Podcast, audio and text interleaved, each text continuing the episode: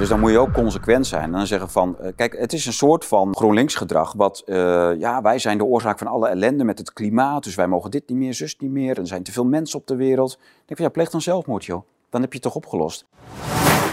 En ik denk dat het al voor Nederland heel erg leefbaar gaat worden als wij onze eigen politieke klasse gaan vervangen. Eh, vergeet niet te stemmen. Ja, je moet wel stemmen. Al is het maar om tegen te houden wat we tegen willen houden, of afremmen, of eh, irriteren, eh, zand in de motor, et cetera. Heel belangrijk eh, om dat te doen. Van harte welkom bij Blue Tiger Studio aan de Waanzinbar. Ja, het is vlak voor de verkiezingen, dus dan moet er een waanzinbar komen. Dat moet echt. Dat zijn we verplicht aan onze stand en aan eh, meer dingen waar we het straks over gaan hebben. Maar ja, het is een beetje tegen heugenmeugel. Het is vroeg op de dag, Menno. Ja. En bovendien eh, zijn we allebei herstellend van een forse ingreep. Ik ben er al iets meer bovenop. Menno zit nog diep in de kreukels. ik voel me heerlijk echt, Tom. Het is, Geweldig, eh, hè? Genieten. Ach man, maar we zijn er weer. Het eh, ik heb het wel gemist hoor. Die, wanneer was de laatste waanzinbar? Ik heb er nog één met Nico gedaan, denk ik. Klopt. Over Ja. permafrost. Ja, ja. Maar dat is toch alweer weken geleden. Ja. Ja. Ja, ik denk een week of drie, vier terug. Ja, en die met, met Nico, toen was ik wel aan het einde van mijn Latijn. Ja, Dat was vlak voor de, voor de ingreep van mij. En, Ja. en nu zitten we... Maar goed, we zijn er weer. Joh. Ja. Waar gaan we het over hebben? Nou, de verkiezingen natuurlijk. U moet natuurlijk gaan stemmen. En dat, ik zal u ook uitleggen waarom alleen maar oproepen tot stemmen. Ja, dat vind je ook op NPO 3 en 1 en 2. Ik heb ook redenen waarom ik wel stem. Soms stem ik ook wel eens niet. Maar ja, goed, er staat nu zo verschrikkelijk veel op het spel. Ik stem wel. En... eh, ik ben lijstduwer. Op eh, lijst 7, dus de zevende lijst. Ja, dat is Forum voor Democratie. Daar ben ik lijstduwer, ook uit volle overtuiging. Die partij steun ik en wil ik heel graag helpen duwen. U kunt dus op nummer 46 stemmen, dat ben ik. U kunt ook op al die andere stemmen die op die lijst komen te staan. Dat maakt niet uit. Menno, heb jij nog wat meegemaakt behalve herstellen? Nou, niet heel veel. Nou ja, we, Nee. zijn, we hebben een beetje ingekeerde weken gehad. We, hebben een we zijn een beetje in onszelf gekeerd. Daar moeten we even uitkomen. En dan moeten we. Ja, daar hebben we u wel voor nodig. Dus daar doen we deze waanzinbar ook voor. Ja. Eh, er komt wel heel veel uit. We zijn met zoveel dingen bezig. Dus het kwam ook totaal niet gelegen dat we allebei onder het mes gingen vanwege totaal, totaal verschillende ingrepen. Maar het is gebeurd. Wat komt eruit? Nou, we hebben dat boek van eh, Michel Marder-Kamhi over kunst. Een ongelooflijk belangrijk boek. Eh, is net uit. We hebben de oertijdcode over die greenbox en de techniek erachter is ook net uit. U kunt, als u goed Duits kunt verstaan, kunt u een eh, gesprek volgen wat Nico en ik geprobeerd hebben in het Duits te houden met de uitvinder van die greenbox, Daniel Eepner. Was ontzettend leuk. Ik, heb dat, eh, ja, ik vind dat zelf altijd heel leuk om in het Duits iets te kunnen doen. Veel leuker dan Engels. Maar goed, Daniel was hier en die heeft iets over die greenbox verteld. Dat gesprek is vorige week zondag verschenen. Dus u kunt dat terugkijken op ons YouTube-kanaal en BlueTube-kanaal. Zullen we gewoon eerst een sigaar in de fik steken? Oh, graag. Misschien kalmeren we ervan. Jij hebt inmiddels al drie dubbel achterover getikt in de poging om iets... eh, eh, die streep... Oh, Nee, joh. nog niet. Dat moet die, nog eh, even, maar- Die eh, strepen van je gezicht trekken. Ja. Nou, weet je, misschien moeten we gewoon opbiechten. We hebben het een beetje dramatisch gemaakt door een bepaalde lamp uit te zetten in de studio. Waardoor het net lijkt alsof we gewoon totaal Ja. wrakkig aan die bar zitten. Ja, de schaduwen die, Ja. eh, die wij voelen op onze ziel, die hebben we Ja, die- nu eh, die- getoond in ons uiterlijk. Die hebben we artistiek in, in- met een artistieke interpretatie geprobeerd in beeld te brengen. en dat, eh, dat is totaal Hans Laagland proof op die wijze. Want je kunt iets mooi, dramatisch, artistiek in beeld brengen. vanwege de bedoeling die je ermee hebt. Dat is echt ja, dat is, als een schilderij van Hans Laagland. Ja. Oké. Ah joh, wat lekker. Cubaantje in de fik. Monte Cristo nummer 2. Ja. Totale favoriet van mij. Die vind ik zo lekker. Ja, hè? Ja. hey Tom, over zo lekker gesproken. Achter jou staat nog een fles. Zou jij die door willen geven? Nou, welke? De- die Clona Kilty. Deze, oké. Maar gelukkig kan ik u dus nu al op voorhand vertellen dat deze sigaar wel een paar keer uit zal gaan. maar ja, dat bent u, eh, dat bent u gewend van mij, want eh, dat gebeurt vaak als ik eh, moet praten aan de bar en roken. Dat kan niet. Praten en breien gaat niet. Bij mij niet in ieder geval. Nou, jou- vertelde jij net, wel? Tom. eh, je had een nieuwtje. Er- komen verkiezingen aan. Zeg je nou net. Ja, wist je dat nog niet? Oh, nou, Nou ja, ik, eh, ja. Als u het nog niet weet, ja, er wordt eh, gestemd. Althans, eh, u mag stemmen. Als u een stempas heeft gehad. Als jij een stempas hebt gehad, Menno. Mag je al stemmen? Ben je oud genoeg? Net. Dan, Ja. ehm, Ja. dan krijg je een stempas in de bus plus een, kies, een kieslijst waar iedereen op staat waar je op kunt stemmen in dat district. Dus je hebt iets van hoeveel districten? Ik durf het hier niet te zeggen, sorry. Ik heb me slecht voorbereid, Tom. Ja, het Spijt is je me. niet kwalijk te nemen. Maar daar sta ik dus op. Ja joh, Want, maar eh, moet ik nu ook op jou gaan stemmen? Nou, eh, dat, dat mag. Kijk, ik sta erop als lijstduwer en daar ben ik mee vereerd. Het bleek ook dat er geen andere Groningse kandidaat op de lijst van het Forum voor Democratie eh, staat. Dus ik ben de enige. Ja, En dat biedt natuurlijk de mogelijkheid voor Groningers ook om op mij te stemmen. En het is ook wel redelijk. Dus als ik met, die, als, met genoeg voorkeurstemmen erin kom, dan doe ik het ook. Het is niet aanlokkelijk. Het zal, ik zal het niet als een carrièreperspectief zien. Maar als het ambt mij vraagt, dan zeg ik altijd ja. nou dat lijkt me een gezonde instelling ja. in, in- als het politiek betreft. Maar ik vind het gewoon vooral heel eervol dat, ehm, dat de club eh, mij vroeg. Want, eh, om, om de lijst te duwen. En dat wil ik dus ook wel, eh, dat wil ik sowieso natuurlijk doen. Want ik vind het wel, Pepijn, Thierry, Ralf, Gideon, Simone, eh, eh, de mensen erachter. Weet je, de- ik ken de club nou inmiddels best wel goed. En ik ben totaal geen partijman. Maar ik zie het dus ook niet echt als een partij. Intern werkt het ook niet zo. Oké, ja. Ik vind het, ik vind het een, eh, ik zal deze eens even gebruiken. Misschien dat hij dan wat beter uh, Ja, jij zegt intern werkt het ook niet zo. Nee. Nu, Nee, het is, Ja, het dat- is gewoon, het is natuurlijk ooit begonnen ook als een debatclub, als een vriendenclub. ja, soort denktankachtig. eh, Denktank, ja. maar toch ook wel als een vriendenclub. Ja, Ondanks dat, eh, dat, ja, dat het toen allemaal in de begin, beginperikelen waren. Mhm. Ik zit natuurlijk in het Groningse. ja. ehm, en eh, dat, dat is ver weg van al het randstedelijk, eh, ja, hoe zeg je dat, Ge, gewarrel. rumoer. rumoer, Van- ja. ja. onrust, drukte, maar ook eh, vooral onnodige geschreeuw en geheister. Maar ja, ik heb ook gemerkt dat in de loop van dat eh, bestaan van Forum voor Democratie, dat iedereen een denkontwikkeling meemaakt. Dat het niet zo is van, oh, er is een partijprogramma, dit ligt allemaal vast, dan moet je indenken en binnenblijven en geen debat over mogelijk binnen de partij of eh, naar buiten toe of wat dan ook. Iedereen eh, is, nee, Thierry ontwikkelt zich op bepaalde eh, punten, Pepijn, Gideon, Ralf. Maar ik, ik vind vooral Ralf en Thierry wel echt de denkers. En Gideon en Pepijn zijn wat praktischer. Pepijn heeft die ambtenarenachtergrond, weet heel goed hoe dat systeem werkt. Is, is een, echt een, een, een analyticus van de, ja, op, op heel veel vlakken. Gideon vind ik heel praktisch. Ehm, jurist ook wel. ter- Ja, echt een jurist. Ja, dat is die ook. Maar ik heb Ralf en Thierry natuurlijk al eh, eh, ja, wel langer ken ik die als, als eh, denkers. Als mensen die ook wel een filosofische kant hebben. En dat vind ik, eh, dat vind ik mooi. Maar dat, dat kun je ook alleen maar hebben wanneer je denken altijd open staat. Dus eh, je moet natuurlijk... Je hebt natuurlijk uitgangspunten, referentiepunten. Je bent een...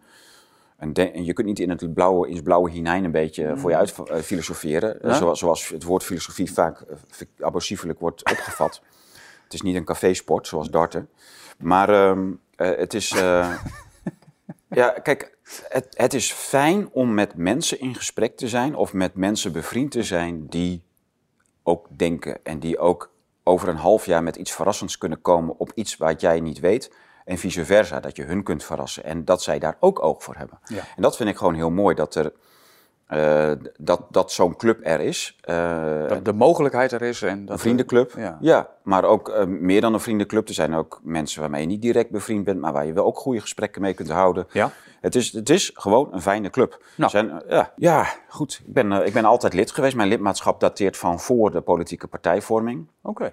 En ik heb in de jaren na die tijd altijd gezegd van... eh, ik ben gewoon lid geworden in de tijd dat het Forum nog een debatclub was... en ik heb het eigenlijk nooit opgezegd. Maar ik zie het eigenlijk nog steeds zo. Dus ook als politieke partij vind ik het nog steeds veel meer een ideeënclub. Een club waar mensen waar ik al veel langer mee bevriend ben, zoals Robert Lem...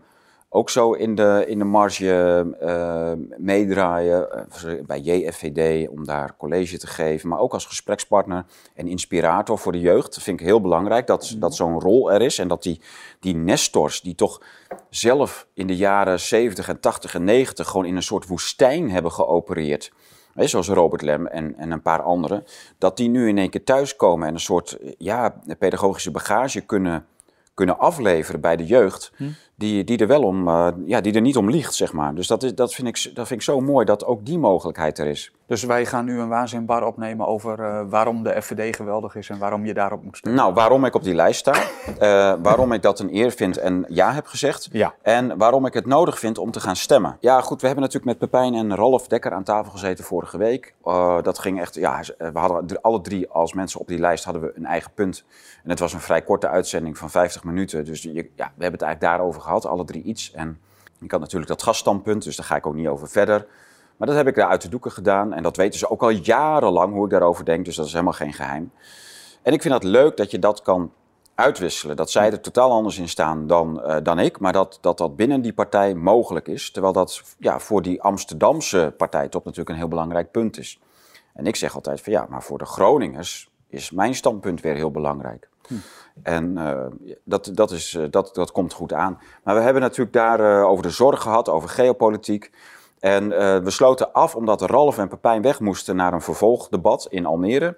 En toen heb ik nog heel vlug gezegd dat ik het belangrijk vind om te stemmen. Niet alleen maar omdat we iets moeten gaan bereiken met een partij. Dat is allemaal heel vaak würdig, zou ik zeggen. Hè? Of je iets kan bereiken in de ja. politiek. Kunnen wij iets bereiken? Dus dan wordt al heel snel uh, gezegd van ja, stel dat je 30, 40 zetels haalt, je zit in de coalitie, ja, maar dan kun je nog niks.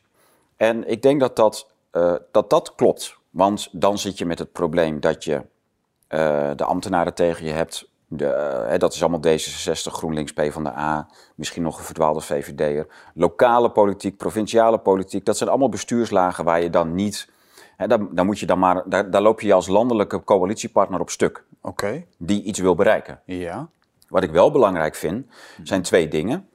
Uh, de, de, FVD heeft eigenlijk de getuigenisfunctie van het SGP overgenomen in de laatste jaren. SGP is eigenlijk ja, door Rutte, maar ook al door Balkenende een beetje ingepalmd. Een beetje pro-life af en toe nog. Maar voor de rest hoor je er niet en merk je er niet zoveel van. Zeker geen systeemkritiek. Zeker niet het doordenken van de problemen waar we, uh, waar we al in, uh, jaren in zitten. Mm. Ook niet naar de DWEF, ook niet naar de Agenda 2030. Wat dan ook. Het, het boeren is allemaal een beetje ja maar. Weet je? En dan, hè, dus dat, dat een beetje ja, een beetje mokkig meehuppelen met het kartelsysteempje.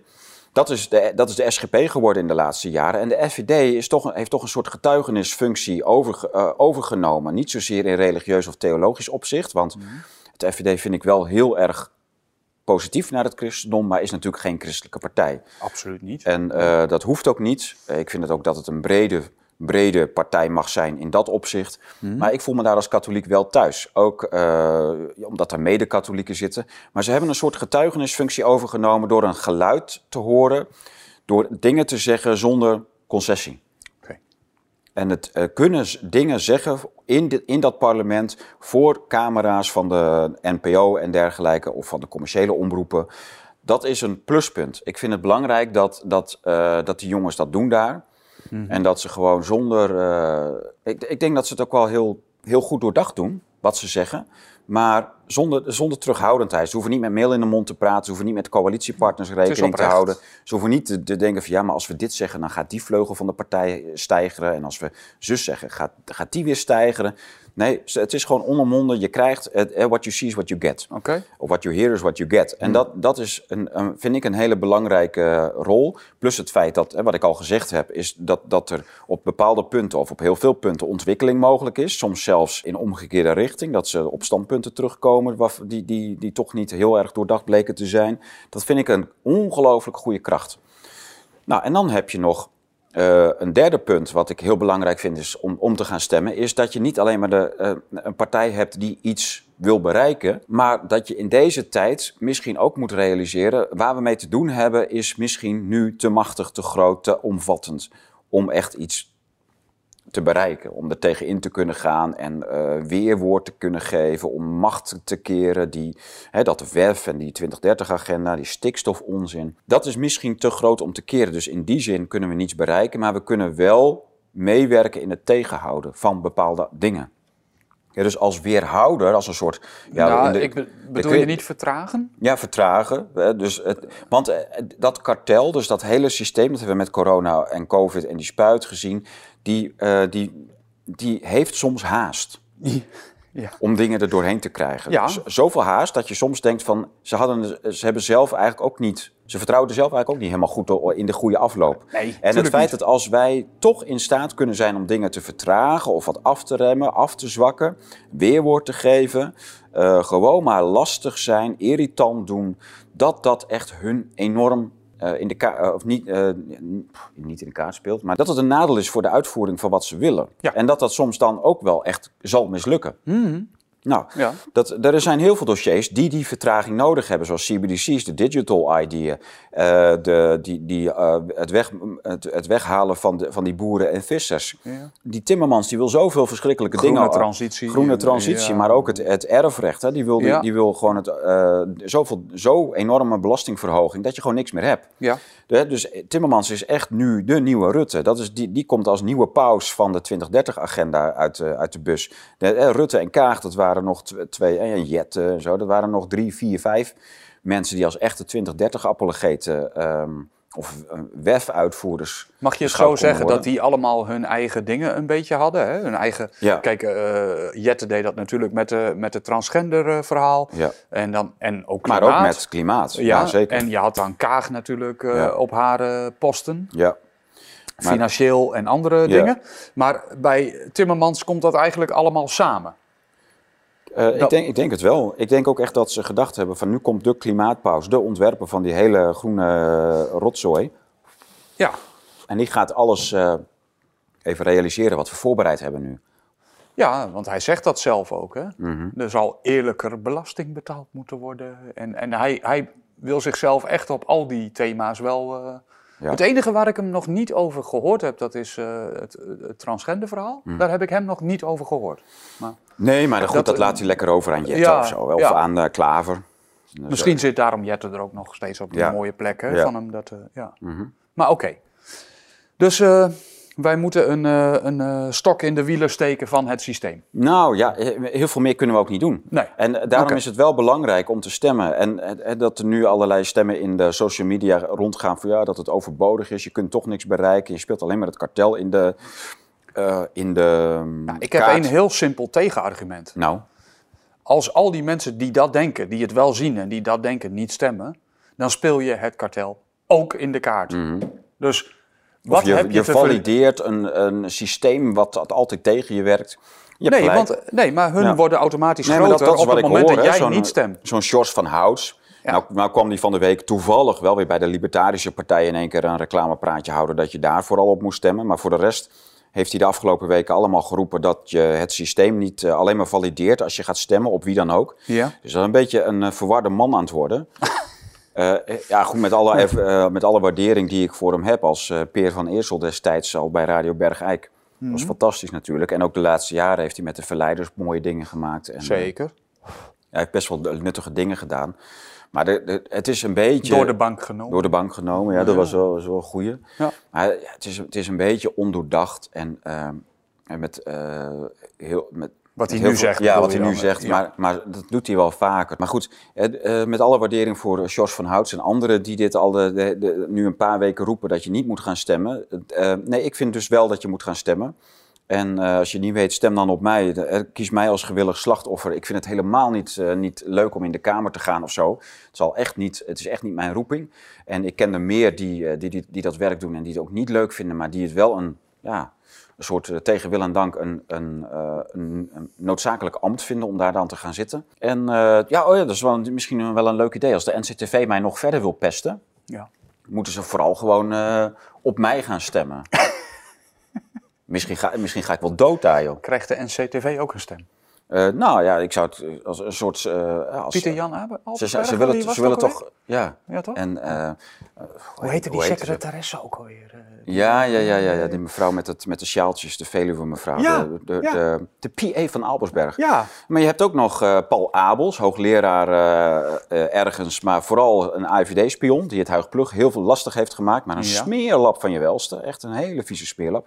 Ja, Paultje, wil je het me echt lastig maken? Ga vooral op me stemmen, want eh, ja, dan eh, is echt een, eh, een straf om eh, bij jou in Den Haag eh, ook nog in die kamer te moeten gaan zitten. Maar de kans is wel groot dat we elkaar een keer tegen het lijf lopen daar natuurlijk. Tom, Ja? nou ga ik heel vervelend zijn. Mm. Ik denk als het echt gebeurt. Kijk, ik denk dat jij er nu absoluut geen zin in hebt en dat je dat ook heel oprecht is. Maar ik denk als jij daar eenmaal zit, dat jij er ook verschrikkelijk van gaat genieten om iedereen gewoon. eh, Weet ik niet. De- Kijk, de- wat, me, wat me wel heel leuk lijkt, nee, maar gewoon met strakke argumenten en feiten. De, de, dat zal ik echt moeten leren hoor. ja, maar Ja, jij hebt al die info natuurlijk wel in je Weet ik niet. Maar wat me wel heel leuk verlijkt, en daar heb ik de Pepijn en Thierry ook vaak mee eh, geconfronteerd, is dat zij zelf gewoon zo'n ongelooflijk leuke werksfeer hebben. Zo'n leuk Oh, team, ja. goede werksfeer, altijd heel e- energievol, hoog in de energie. Hm. En dat vind ik prachtig. Hè, dus de- zij hebben daar een mooi team. En als je daar deel van uit mag maken, als die eer je gegund is, ja, dat is natuurlijk wel een, dat is, dat is wel een plezier. Ja. Maar voor de rest, ja, kijk, het is natuurlijk wel een kleuterklas van je welste. Ja, grote stap. maar jij- jij bent toch gewoon kleuterleider Misschien, dan? kan er toch nog zo'n zo'n soort van nood-NCTV-rapport verschijnen... eh, die eh, aanbeveelt om allemaal op Tom Zwitser te gaan stemmen. misschien wil, kan de NCTV me nog een beetje helpen. Hoppakee. Nou, leuk. Dan kom ik uit mijn Groningse paradijsje, dat eh, me vervelen in het Haagse. Nee, maar goed. Ja, eh, reclame. eh, ja, maar ik ben gevraagd om daar een lijst te gaan duwen en ik heb daarover nagedacht. En ik vind dat een, een eer dat dat aan je gevraagd wordt, dat het, of dat het aan mij gevraagd werd. En dat heb ik van ganser harte gedaan. En eh, ik hoop dat het geduw een beetje mag helpen. Ja, Ja. nou, zoals gezegd, als getuigenispartij vind ik FVD al heel waardevol ja absoluut. omdat de SGP eigenlijk weggevallen is.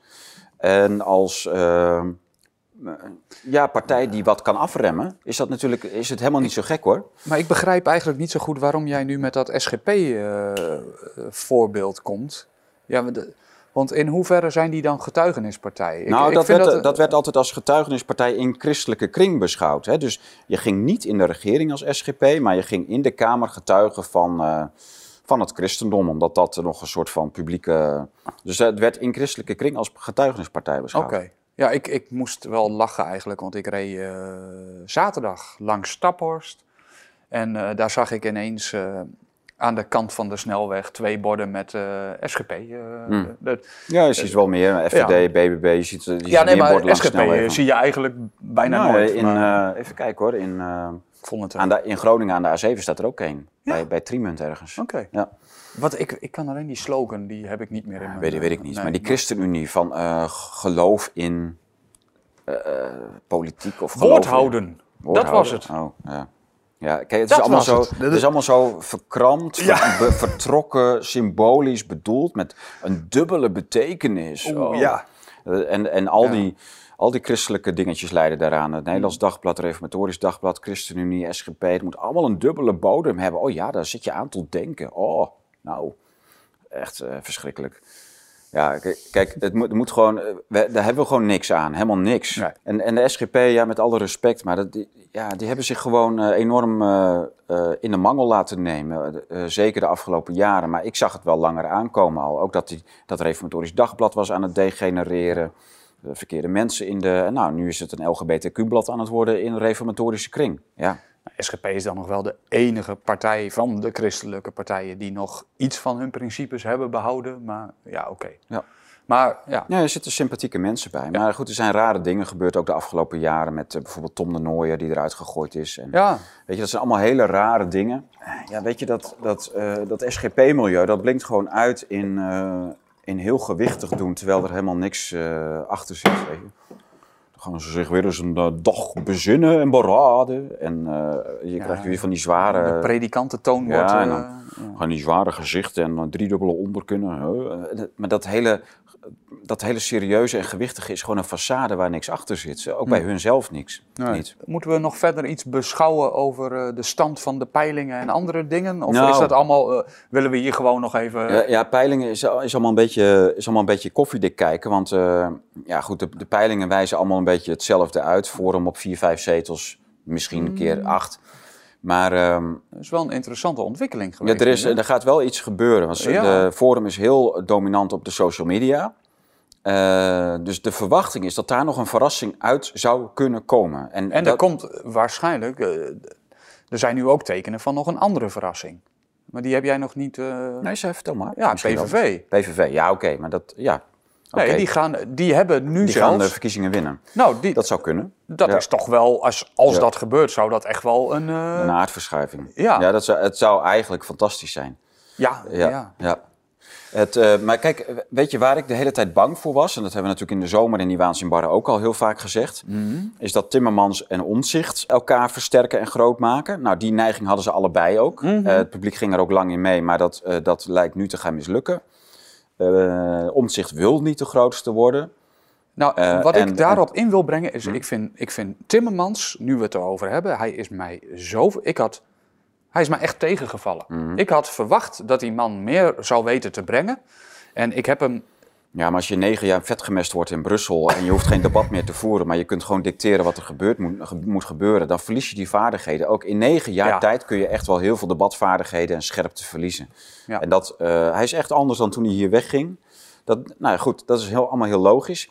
En het tweede waar ik bang voor was in de zomer, was dat die uh, Jesselkus, die, en niemand valt de VVD aan. Iedereen blijft van de VVD af, Mhm. uit angst voor Rutte, wie weet. Ik heb geen idee waarom niemand dat wicht aanvalt, want ze is... Ja, goed, ze is wat. Ik, ik heb er altijd als een beetje een dommig wicht eh, neergezet. Die, Ja. de, die de ploeg ook niet bij elkaar ga- zal gaan houden. mocht ze in een kabinet komen of mocht ze zelfs premier worden. Daar blijf ik bij. Ik denk dat ze dat niet kan, dat ze geen premier eh, kan worden, omdat ze gewoon niet die enorme, enorme controlefreak is die Rutte natuurlijk is.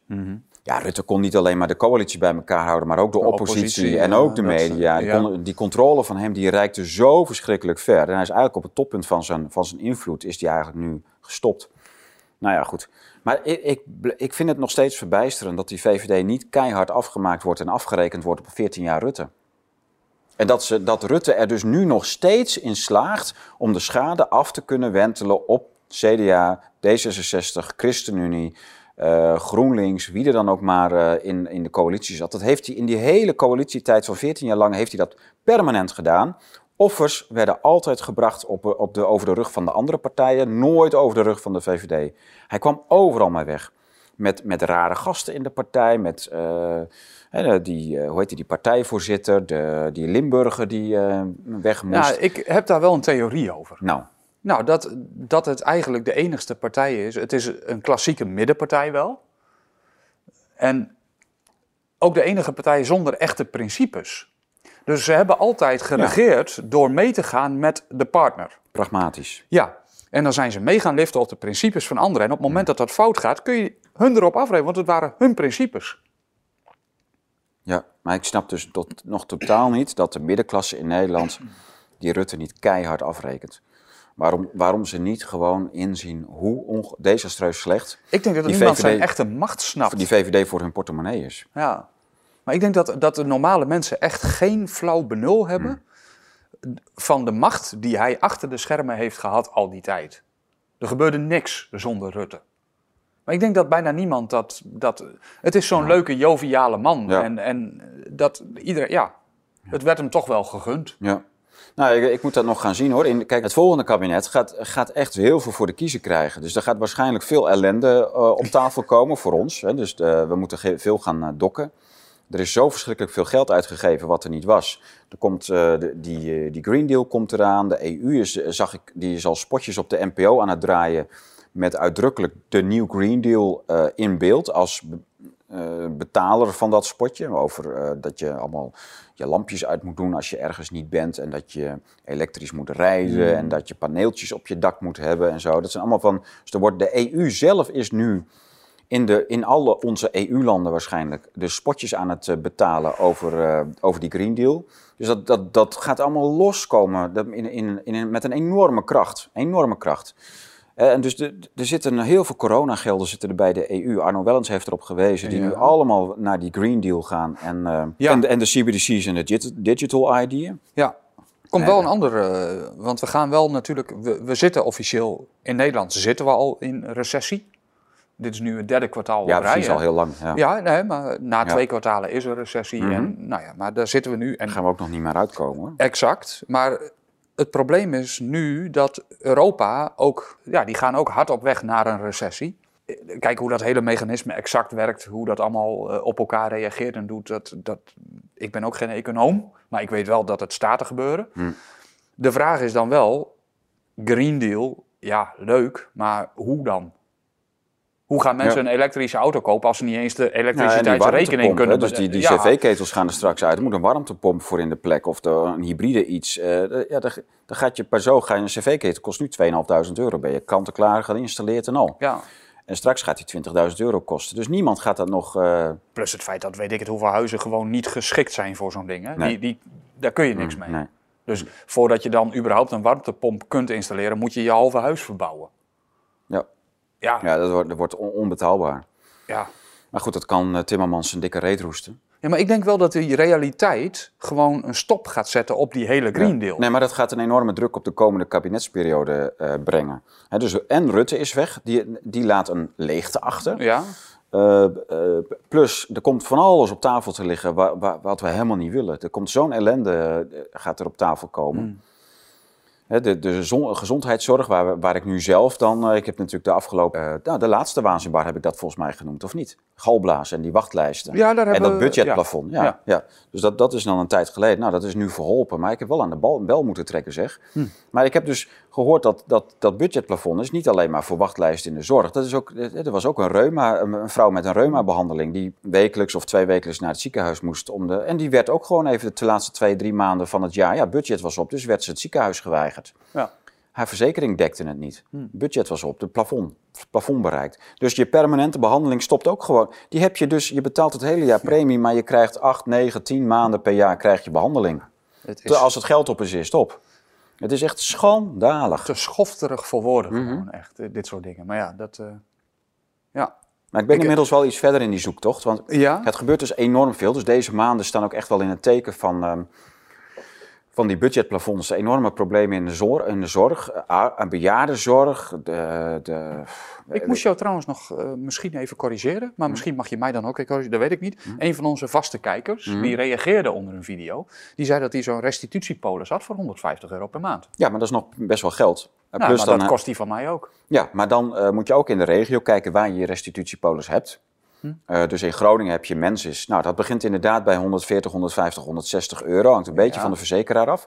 Maar dan heb je dus alleen maar eh, vergoeding van je ziekenhuiskosten. Maar als je dus al je gezondheidszorg, dus ook je fysio en ook je huisarts, 100% gedekt wil hebben, Ja, oké. dan, dan, heb je, ga dan begin je, al ja, vanaf oké. 180, 190. Ja, oké. Maar dan heb je dus met- alles gedekt, zeg maar. Tot en met 240, 250 euro. Goeie, nee, maar dat is Ja. een goede om dat er even Ja. bij te zetten. Dat is dus geen basisverzekering meer. Nee. Nee, dan heb je een volledige... Ja, oké. Maar dan is dat ook weer de wereld uit. Dan Ja, maar stra- eh, straks mag je, je hebt, Wat in ziekenhuizen gebeurt, gebeurt natuurlijk ook bij fysiotherapeuten en ook bij andere behandelaars. Mhm. Ja, dan, dan, is je, de, ja, dan ga je naar de huisarts en, eh, en, je, en je budget is op. Maar het is toch te bizar voor woorden dat zelfs de huisartsenzorg nu al onder die budgetplafonds vallen van, bij verzekeraars. Eh, Dat, en dus dat je zelfs een, je polis eigenlijk al moet gaan, gaan, gaan uitzoeken op basis van dat, je, dat er uitdrukkelijk vermeld wordt dat de restitutiepolis niet alleen maar 100% van alle ziekenzorg, ziekenhuiszorg dekt, maar ook van andere behandelaars. Fysio, huisarts, apotheek, whatever. Ja.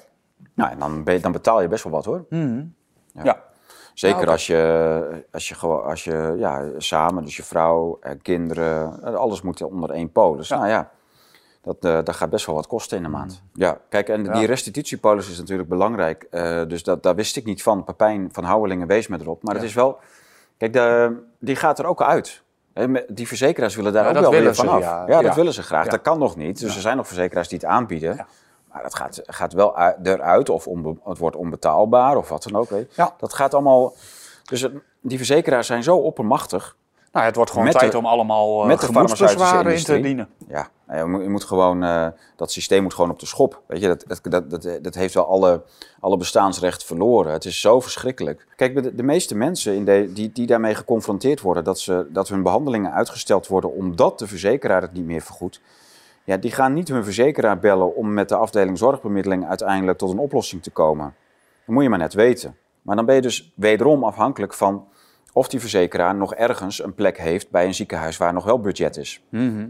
Ja. dus dus eh, voor die galblaas was het zo. Ik moest naar Amsterdam. Nou was er qua, puur qua wachtlijsten betreft, was er in Noord-Nederland was sowieso alles vol qua, eh, op de galblaasgebied. Mhm. Eh, moest ik naar Enschede of Amsterdam of wat dan ook voor een operatie. Dat maakt me niet uit. Dus dat, dat doe ik graag. Dat was, is ook goed gelukt. Voor hetzelfde geld heeft die verzekering of die afdeling zorgbemiddeling zegt van ja, nee, maar de ziekenhuizen waar wij eh, nog wel budget, extra budget hebben ingekocht, hebben ook een wachtlijst van drie maanden. Dus je bent sowieso pas in januari aan de beurt. Ja. Ja. Dus het is, het is allemaal zo discutabel geworden. Je moet, echt, je moet sowieso echt die restitutiepolis gaan doen, wil je, als je zorgbehoevend bent. En eh, ja, in mijn geval, ik ben weliswaar eh, redelijk gezond, nou ja, ja, redelijk gezond. Maar ik heb toch wel regelmatig iets, een dingetje. ja. Boven de 40, dan begint het allemaal een beetje. Ja, je bent geen 20 meer. Ja, dat is ook weer wat. Maar, Dus eh, die restitutiepolis. verkiezingsuitzending. Verkiezingsuitzending. Ja, Ja, nou ja, ik heb dat met Ralf en Pepijn natuurlijk gedaan. Het was hartstikke leuk dat ze hier waren. Hm? Ja, was leuk. We hebben lekker aan tafel gezeten, lekker kletsen over eh, de belangrijke dossiers. Eh, geopolitiek vind ik altijd mooi. Dus Ralf, Ja. eh, was, uh, Ralf zijn stokpaardje is dat. Hij kijkt ook de goede programma's, zoals de Ja. Duran. Ja. Heel mooi. Mhm. En die uitslagen, ja, dat kan, nog, wel- dat kan nog wel interessant worden. Dus Wilders als premier. Ja, ik, ik denk eigenlijk eh, eh, prachtig als, dat die, als die VVD dat maar niet wordt. Weet je, dat is... De VVD die gaat anders dat komend kabinet gewoon opblazen. Die Ja. doet het direct. ik denk toch wel dat die kans heel klein is. Ja. Helemaal met de extra opkomst van de PVV nu. Ja, ik denk... weet je nog wat er gebeurd is met dat gedoogkabinet van... eh, Ja, ja, ja, ja. Kijk, CDA heeft er alles aan gedaan om dat kabinet op te blazen. Dus ze hebben sowieso die hele aanloop naar de, de er naartoe om met de PVV in een kabinet in een gedoogconstructie te komen. Daar moesten congressen over georganiseerd worden. Er werden allemaal raadplegingen gedaan. CDA ging ongelooflijk dwars liggen. Uiteindelijk bleek dat Rutte eh, dat kabinet heeft opgeblazen met Wilders. ja. Eh, dus dan, je kunt wel van alles willen. Maar ja, de vraag is of je met PVV, eh, BBB, NSC... Ja, die, die gaan elkaar misschien nog wel helpen. Maar als je er een kartelpartij bij neemt... Ja, dat, wordt, dat wordt, gewoon, eh, wordt gewoon weer opgeblazen. Dus dat, dat, komende, dat komende kabinet wordt een heel, heel zware, zwaar... Waarschijnlijk een, on- een soort onregeerbare periode wordt dat. Tenzij we gewoon gaan werken met minderheden. Waar je meerderheden van maakt op verschillende thema's. Als dat gebeurt, is het bijzonder onderwijs ook gelijk afgeschaft. Als het, eh, en, en kerken worden verboden en zo. Dan weet je, dat, voor dat soort dingen ben ik gewoon. eh, ja, en bovendien, als je, echt, als je echt denkt dat je per agendapunt meerderheden moet gaan. Hè, stel bijvoorbeeld, je hebt een keer ChristenUnie en SGP nodig voor een, voor een, een, liberaal of een progressief punt. Of Christ, ChristenUnie en CDA. Dan gaat het CDA, dan gaat het ChristenUnie niet zeggen van nou, we gaan alleen naar dit agendapunt kijken. Die gaan ook zeggen van ja, maar eh, op de agenda staan ook die en die en die punten. En eh, wij willen ook toezeggingen. Als wij hierin in dit eh, eh, dossier worden meegenomen, willen wij ook toezeggingen op dat en dat en dat dossier. Dus je krijgt eigenlijk voortdurend verkapte kabinetsonderhandelingen of coalitieonderhandelingen. Dus het, het wordt nooit beperkt tot één punt. Dat wordt, dat wordt gewoon bestuurlijk best wel een grote chaos. Het kan een beetje gaan werken, maar waarschijnlijk gaat dat overleg en dat voortdurende onderhandelingen gaat ook dingen weer enorm vertragen. Kan mooi zijn, kan ook heel negatief uitpakken in die zin dat Vertraging vind ik geen enkel Nee, probleem. maar het, kan, eh, het gaat nooit sneller of beter worden. Dat, dat verwacht ik niet. Als je echt zo'n zakenkabinet hebt of een eh, minderhedenkabinet waarbij je voortdurend moet, dus- moet onderhandelen met de Kamer of met bepaalde andere partijen, voortdurend achterkamertjes. De achterkamertjesmilieu wordt groter. Eh, de onzekerheden onder het kabinet zelf worden niet eh, kleiner, want je, je, het kan eigenlijk steeds opgeblazen worden. Er kunnen heel veel dingen waarschijnlijk niet bereikt worden die ze willen bereiken. Ehm, Wees blij. en, eh, ja, en waarschijnlijk heb je dus helemaal niet een situatie waarin per agendapunt gestemd wordt of een coalitie geprobeerd wordt te bereiken. Want mensen die erbij, of partijen die erbij getrokken willen of eh, moeten worden van- om, om iets te bereiken, die gaan ook eisen stellen ten aanzien van andere dingen die spelen. Dat gaat gebeuren. Dus dan, je Maar krijgt, dat, dat je- hoeft niet per definitie Nee, maar je te zijn. je hè? krijgt een permanente coalitieonderhandeling. Ja. En, en dus de, de voordelen... Nee, dat hoeft niet per se slecht te zijn, maar het hoeft echt niet per se beter te zijn. Nou ja, beter denk ik in zoverre dan dat je voor vier jaar eh, vastlegt dat wij gaan het samen doen en wij steunen elkaar op alle vlakken. Maar welk kabinet heeft het nou uitgezeten de afgelopen Nee, 20 je jaar? ziet dus ook dat Ja. dat absoluut niet Dat werkt. werkt ook niet. Nee, maar Nee. moet het zo werken? Nou ja, acht jaar Balkenende hebben we wel gehad. Maar dat hoorde ik trouwens voorbij komen ergens. Van, dat zei iemand en dat vond ik ook wel. Ja, die, die hebben we te danken nog aan de dood van Pim Fortuyn. Hè? Ja, de bal die, die ging met eh fortuinbonus aan de, Ja. aan de haal. Ja, ja. Dat is wel eh, dat is leuk. Dat is, ehm, dat is ooit, eh, die theorie werd ooit gelanceerd door een voormalig eh, redactielid van het Katholiek Nieuwsblad, 20 jaar terug of zo. Of, eh, ja, eh, Henk, even kijken, hoe heet hij ook alweer? Nog, Henk Rijkers. En die, die schreef dat over de, over de fortuinbonus, dat het CDA met, de- met de fortuinbonus, en dat werd toen wel een soort, ja, die analyse werd toen wel overgenomen, ook in andere media. Maar dat, Ja. was, wel interessant. Nou ja, Fortuyn stond op winst. Mhm. En toen die overleden is uiteindelijk het CDA er met 41 zetels van doorgegaan. Klopt, ja. Dat was Ja, de... ja en heeft daar echt wel een soort van nagloei van, van over kunnen houden. Was een soort van nabrander als partij voordat ze eigenlijk definitief eh, nu ergens het licht eh uitdoen. Nou ja, we hebben nu twee nieuwe CDA's. Ja, Ja, Ja, klopt. dus het licht is nog lang niet uit. Nee, maar het is niet meer CDA. Het is de, ja. ja. Nou ja, oké. eh, dus de uitkomst van die verkiezingen en de toekomst van het komende kabinet, daar blijf ik eigenlijk, zoals we het af, wat we sinds dat het kabinet viel hebben gezegd, dat blijft nog steeds staan, denk ik. Dat Timmermans en, en eh Dinges, die hebben elkaar eh, ja, echt opgezocht. Nou, dat, dat, ik denk dat Omzicht daar misschien zelfs wel spijt van heeft, maar dat weet ik niet. En meisje VVD, eh Dylan, die... eh, ja, die, gaat, die, gaat, die, die is niet capabel genoeg. Maar het, het rare is, wat, ik, verba- ik, verbijst, ik vind het verbijsterend dat niemand die VVD zo aanvalt en afrekent op 14 jaar eh, vernietiging van MKB, van de gezondheidszorg, Van van, Nederland. van, van heel Nederland. Ja. En, eh, en, en dat niemand dat ze gewoon ter verantwoording roept, Mm. in die debatten niet ook. Nou, ik denk dat eh, zolang Rutte nog in de picture is, en dat is die gewoon, en ook nog van belang is bij de volgende onderhandelingen, dat dat ook niet gaat gebeuren. Ik denk dat dat pas definitief zou kunnen gaan gebeuren Ja. als hij daadwerkelijk vertrokken is naar Europa Ja. en niks meer hier. Ik weet, ik weet ook niet of die vertrekt. Hè. De kans is heel groot dat, eh, dat als eh, Dylan Jesselkus de, of de, de, verkiezingen wint, dat ze Rutte vraagt om premier te worden. Doodleuk. Ja. Maar goed, dat zijn oude koeien uit de sloot. Ik, eh, ik vind dus, de, even terug resumerend, dat je moet gaan stemmen en dat het, Ja. dat het een zin heeft. En, en, en niet om de redenen die, ja, anders vergooi je je stem. Nee, het, het, er zit wel echt een groot gevaar achter. Het gaat niet om ons of om mij persoonlijk of individueel. Je, moet, je kunt dingen tegenhouden of afremmen. Je kunt een getuigenispartij in het zadel helpen. Want ik vind dat, ik vind dat eigenlijk het, het belangrijkste.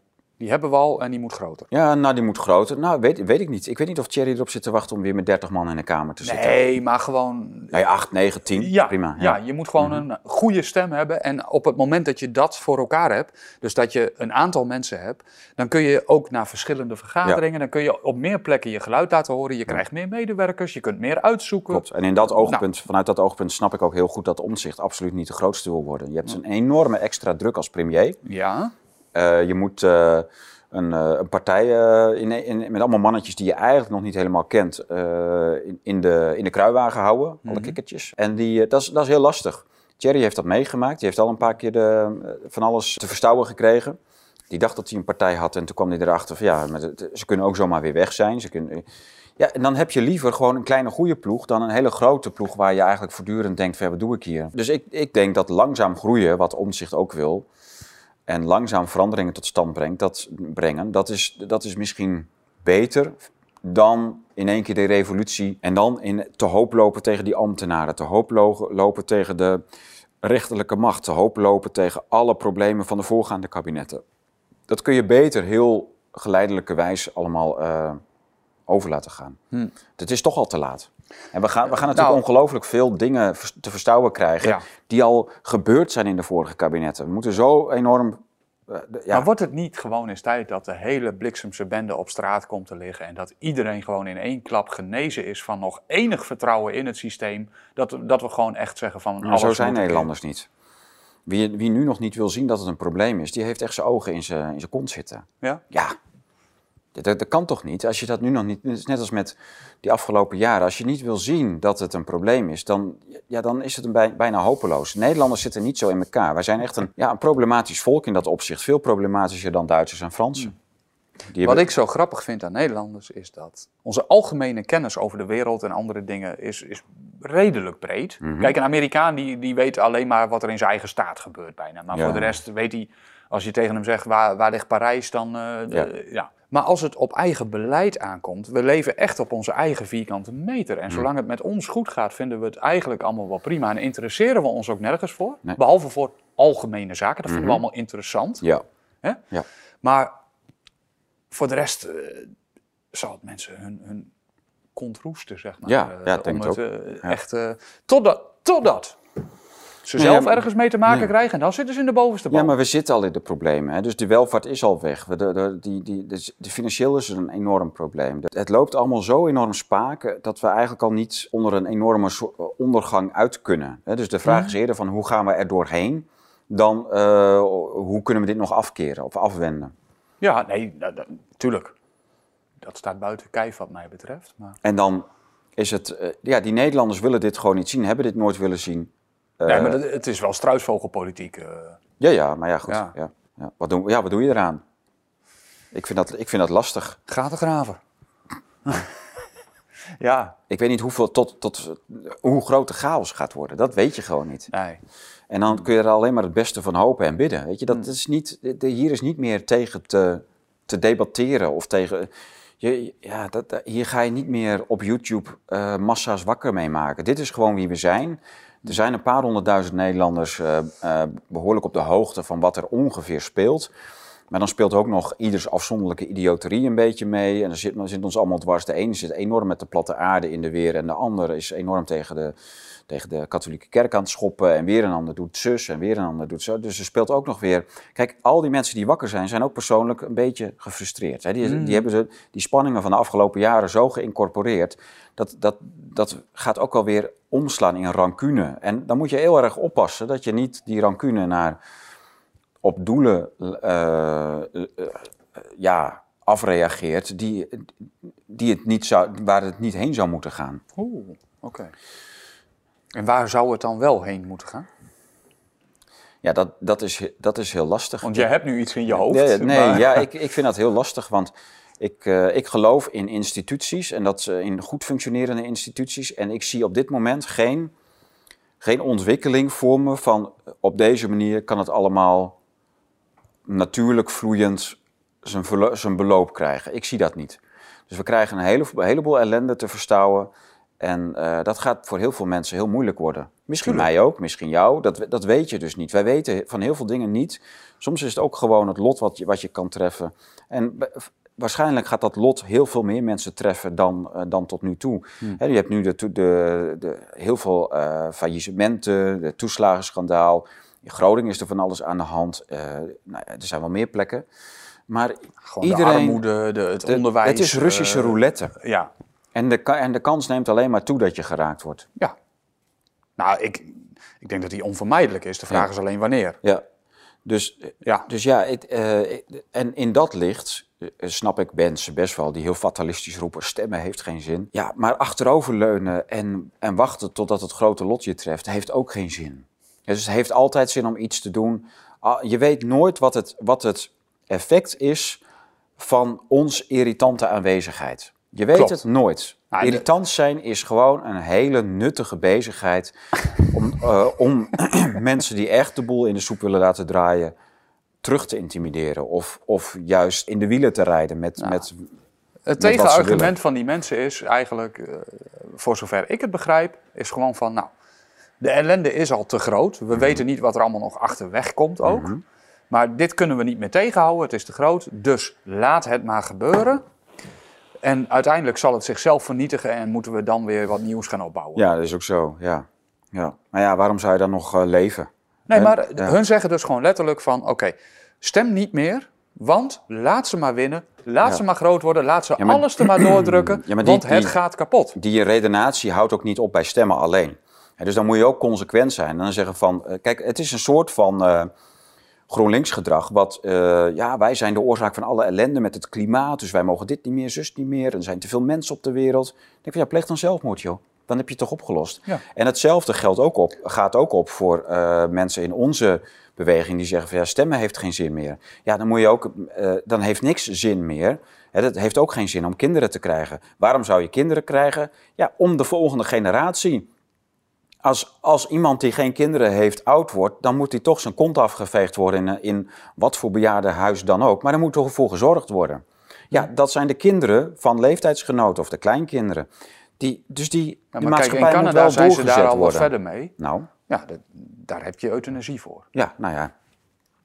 Maar, dat, hè, dus maar, maar wie zegt van ja, niet stemmen, want als het beste, dan steun je het kartel niet. Ja, joh, hou dan met alles op. Krijg geen kinderen, ga niet werken, ga, ga volstrekt parasiteren. Wees volstrekt hedonistisch, egoïstisch en lever op los en pluk wat je plukken kan. Maar, eh, Nou ja, meld je niks- aan voor zin digitale meer. ID, eh, vraag een Ja. eh, UBI aan Mhm. en nou, laat jezelf direct ombouwen, ook op kosten van het systeem. Ja, kijk, eh, het, het is gewoon simpel. Je doet wat je kan. En eh, je weet niet wat de uitkomst is van je harde werken. Weet je? Soms weet je dat niet. Ehm, maar de, de belangen zijn groter dan alleen maar jouw eigen belangetje, omdat niks zin heeft. En een of ander absurd idee dat jouw stem een verkeerd, een immoreel systeem zou rechtvaardigen. Ja, nou ja, goed, welk systeem is dan wel moreel? Ja, dan krijg je een of andere luchtkasteel waarvan je denkt van ja, hoe bereiken we dat? Weet je, wel eh, niet stemmen, dan bereiken we dat. Ja. Hm. Weet je, als de boel in elkaar dondert, dan moeten we zien hoe we er maar doorheen komen en ontstaat er iets nieuws. Of, of we kunnen nog bestaande structuren doorzetten en dan... Maar uh, Kijk, de, wereld, de wereldpolitiek is altijd kwaad geweest. Er is niet zoiets geweest als een, een, fantastisch werkend systeem van politiek. Het ging altijd om macht en het werd altijd, was altijd oorlog. Robert Lem zegt het ook altijd. De wereld, het woord wereld, is afgeleid van warre old oude oorlog. En dat is de etymologie van, de, van het woord wereld. Er is altijd oorlog geweest, altijd geweld, altijd dood, bloed, zweet, tranen, ongeluk. Het is soms een tranendal, maar er zit ook ergens een paradijs, mm. een paradijselijke aspect aan. Want het, wij herinneren ons toch altijd aan het, aan het paradijs. En dat proberen we ook altijd voor onszelf te realiseren. Daar werken we naar. Ja, en uh, zo, je doet wat je kunt. En als je dat dan ergens bereikt, is net als, als een kunstschilder die zegt van ja, kijk, als die, als die zegt van ja, maar ik kan niet het niveau bereiken van Rubens, dus uh, ja, het heeft geen zin. Nee, je doet wat je kunt, want je wil met jouw kunstwerk, wat je dan aan het maken bent, sowieso beter worden dan wat je al gemaakt hebt. Maar je wil het hoogst haalbare, het best mogelijke niveau bereiken. Een muzikus die zegt van, uh, ja, ik kan wel zo goed worden als uh, Zwelink, een leuk, uh, leuk achtergrondgeluidje, een leuk strijkje maken, maar ja, ik kan geen Brahms worden of, of Hendel of, of, een, of een Bach of een Monteverdi, Chopin. Chopin. Ja, dat is niet te bereiken, dus dat heeft geen zin. Wat hoezo heeft dat geen zin? Altijd het hoogst Het zijn dezelfde mensen die kinderen ontvreemden bij ouders omdat ze daar, omdat ze daar te weinig liefde kregen. En ze, ze hebben dan een andere plek voor die kinderen waar ze meer liefde kunnen krijgen. Ja, minder, meer. Uh, ja, dat, is toch, is toch bizar dat je dan dat je, dat je alles maar, maar ophangt aan. Uh, ja, als, het, als, als dit het is, dan heeft het geen zin. Ja. De moraal is, uh, is aan het doodgaan, denk ik echt. En ik, ik bedoel dat als, ja. van binnenuit hebben we allemaal ons eigen morele kompas. En naarmate je opgroeit, word je steeds vaker geleerd om dat niet meer toe te passen. Ja, omdat het tegen je werkt. Ja. Het is niet goed om een moraal te hebben, want dat werkt niet goed voor je. Ja. Het is niet in jouw belang. Nee. Ja. En er is ook geen gedeelde moraal meer. En daarom moet dat ook. Mhm. Dus er is ook geen plek voor jouw individuele moraal in dat verhaal, zeg maar. Als, als je begrijpt wat ik bedoel. Ja. Het is misschien een beetje vaag, maar ik denk wel dat het heel concreet is wat we daadwerkelijk meemaken. Er wordt je geleerd je, je morele kompas opzij te zetten en je gewoon goed te gedragen volgens de algemene norm. Want er is geen gedeelde moraal meer. Nou ja, dat verlies aan ankerpunten, vaste, vaste ankerpunten waar je jezelf aan van kan vasthaken. Wat, wat rust geeft in je bestaan. En die ankerpunten zijn natuurlijk ook een, een, fundament onder je existentie. Dat is natuurlijk gewoon uh, iets van, van alle tijden. En, en, we hebben in deze tijd zijn mensen in een soort waanidee gaan geloven dat, dat je geen ankerpunten nodig hebt en dat als je ze wel hebt, dat dat tegen je werkt. Ja, ik, ik geloof daar wel in. Je kunt niet vrij zwevend door het leven gaan en een beetje hierheen, een beetje daarheen. En uh, ja, we zijn allemaal één, het is allemaal liefde. Nee, het is, dat is het niet, want je maakt allemaal alles steeds weer kapot. Je moet steeds weer overnieuw beginnen. Bouw eens wat op, hou het daarbij. Uh, doe recht aan degene waarmee je iets opgebouwd hebt. Mm. Dat, is, dat is gewoon die ankerpunten, die vaste moraal. Uh, ja, dat zit in onze natuur zelf verankerd. Je gaat alleen maar tegen je eigen natuur in als je, als je dat loslaat. Mm. Het gaat, je, je breekt jezelf ook af. Ja. ja, maar dat is ook het hele doel. Mm -hmm. Nou, dan ben je natuurlijk, dan ben kijk, als je een half wrak bent, dan ben je natuurlijk wel keurig manipuleerbaar.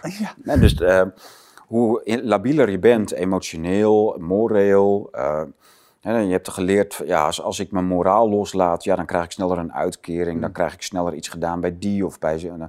Dan, dan, dan, kan, ik, uh, dan kan ik zus, dan kan ik zo. Als ik mijn moraal maar aanpas, ja, dan, dan kan, ik, kan ik scheiden. Dan kan ik mijn kinderen wegstoten of wat dan ook. Maar dat zijn je vaste, dat maakt onderdeel van jou uit. En je, je moet dat, je moet erbij blijven. Mm. Het, het, het, het doet pijn om je daarvan los te maken. En dat zegt al genoeg. Ja. En op een gegeven moment, je hebt, je hebt mensen die natuurlijk zoveel, uh, ook, ook op seksueel gebied, je hebt zoveel, hm. vooral vrouwen die zich niet meer kunnen binden omdat ze zoveel seksuele contacten hebben gehad. Ja, die kunnen niet meer echt van een man houden. Of, of hè, dat, dat, dat, is gewoon, uh, dat is gewoon heel lastig. Hm. En zo gebeurt dat met alles. Kijk, het zijn voorbeelden en illustraties, maar dat, het is natuurlijk met alles wat onze menselijke natuur aangaat. is dat zo. Wanneer je dus die ankerpunten onder jezelf afbreekt en, en, die, en die menselijke natuur niet meer in ere houdt, je breekt jezelf ermee af, maar het maakt je perfect controleerbaar voor, voor ja, het systeem. Ja. Meer dan het kartel, maar Ja, vooral ja. Het, het systeem wat je... Ja, en dat, dat is een, een anti-menselijk systeem in alle opzichten. De, het, maar het, het vreet je ook leeg. Je- er, wordt, er wordt net gedaan alsof je, als je alles geeft voor dat systeem, dat je dan beloond wordt. Maar dat, zijn een, dat, dat is nog niet eens 1% die beloond wordt. De rest wordt gewoon gebruikt, achtergelaten als een, als een soort wrak. Weet je, de, de- de- ja, drank, drugs, seksverslavingen, allerlei, allerlei verslavingen. eh, om, om maar niet die pijn te voelen van alles wat je afgebroken hebt in jezelf en gegeven hebt, hebt aan het systeem. De duivel vraagt veel. Ja. De grote vraag is wel, Dat is letterlijk je ziel verkopen. Alles afbreken. ja, Dus je, het is niet Ik zo van, het- ik, ge- ik geef de duivel mijn ziel en dan word ik beloond. Nee, dan, dan denk je nog echt dat je er beter uitkomt. Maar je komt er niet beter uit. Je komt er als een wrak uit. Je wordt helemaal afgebroken en, eh, en achtergelaten. De Ja. duivel geeft niet om je ziel, die wil hem afbreken. ja tuurlijk. Dat, dat is zijn enige doel. Dat is zijn enige bestaansrecht Exact. ook. eh, dat, Als je, als je ziel namelijk Ja. wel één is, dan ga, je- dan ga je naar God toe. Eh, Een, Ja. een, een geheelde ziel hoort in de hemel en niet... dat in, is het goddelijke. Niet- de ziel is het goddelijke in ons, in Nou ja, principe. Wat, wat wel open staat voor het goddelijke. Ja, Ja. nou ja. Dus als je dat Ja. afbreekt, ja, je geeft niet zomaar de ziel. Het is een soort Faustiaanse eh, romantisering van je ziel verkopen aan de duivel. Nee, het is natuurlijk bloedlink. Is Je ziel verkopen aan de duivel, dan denk je, nou ja, goed, wat, eh, dat gaat me echt wel eh, wat opleveren. Nee, je wordt doodongelukkig, je houdt niks over. Je, je eindigt aan de drank, de drugs, in eenzaamheid, volstrekte eenzaamheid. Het is, het Nou, is gewoon een. Je, je, je creëert je eigen hel. Überhaupt, als je zegt je ziel verkopen aan de duivel, dat, eh, volgens mij is dat niet eens een, een werkelijk iets. Volgens mij is het je ziel weggeven. Want je kunt hem niet verkopen. Mhm. Nou, maar de meeste mensen doen het toch in de verwachting dat het hun iets goeds zal brengen. Ja, maar dat is een complete... Nou ja, en, eh, en, en je, je, komt, je komt bedrogen uit. ja. Ja. Ja. Ja, nou, ik ben gisteren weer eh, voor het eerst sinds eh, kijk, vijf, zes weken naar de, naar de kerk geweest. Omdat het weer kon. ja. Heerlijk, joh. Het is echt, het was echt een genot om daar is altijd weer thuiskomen. Hm. Ja, geweldig om daar, om daar te mogen zijn. Is in zo'n mis, veel wierook, Latijn, mooie gebeden. Hm. Schitterend, goede preek. Waar ging de preek over? Ja, over dit soort dingen. Gewoon, eh, ge- gewoon eh, kant-en-klare moraal. Recht toe, recht aan. Oké. Dit moet je niet doen, want dat is niet goed voor je. Zulke soort dingen. Werd er niks over, eh, over de verkiezingen gezegd? Nou, in deze kerk niet. Oké. Ik, weet, ik weet, het gebeurt wel eens ergens. Ja, ja, ja. Dus dat hoor ik ook wel. Maar Ja. ehm, eh, ja, kijk, het gaat wel rond dat ik op die lijst sta. Dat, dat merk ik wel. Dus ik, ik hoor wel van, eh, dat iedereen dat gezien en gehoord heeft. En men vertelt het ook aan elkaar. Ja, en ik ben natuurlijk gewoon een katholieke jongen, weet je. De catechismus van de katholieke kerk is mijn geloof. Als je wil weten hoe ik denk, ja, ga dat lekker lezen. Of mijn eigen boeken. Dan, eh, dan, dan kom je er wel achter. Maar de, eh, ik, ik ga dat ook niet opgeven. Voor, voor, niks en voor niemand. Hm. Kijk, ik ben niet een, ik ben niet een vroom figuur. Ik ben niet, ik, ik ben niet zo van dat hele zijige en zo. Maar ik, ik kijk er ook niet op neer. Maar het is wel, eh, ja, ik ben gewoon een beetje, een beetje meer een rouwdouwer, denk ik. Ja? Maar het is wel, ja, ik denk het wel. Maar het is, het is wel mijn geloof. zo, hè. Dus de catechismus van de katholieke kerk is gewoon mijn, mijn geloof, ja. Hey, ehm, andere vraag nog. Ga, gaan, we nog een, eh, gaan we nog een kleine voorspelling doen voor de verkiezingen? Wat, wat gaat er gebeuren? ja. Woensdag, naar de stembus. Woensdag naar de stembus. Nu het opnemen hebben we nog twee dagen de tijd om te voorspellen. Ja, ik, ik, ik vind dat heel lastig, want die, die, peil, die peilingen zijn niet helemaal betrouwbaar, maar Hmm. ge- geven wel een goede indicatie. Ja, ik, ik heb natuurlijk ook zelf de hoop van, ja, die, eh, die peilingen zijn wat betreft FVD en BVNL misschien niet helemaal representatief. Oké.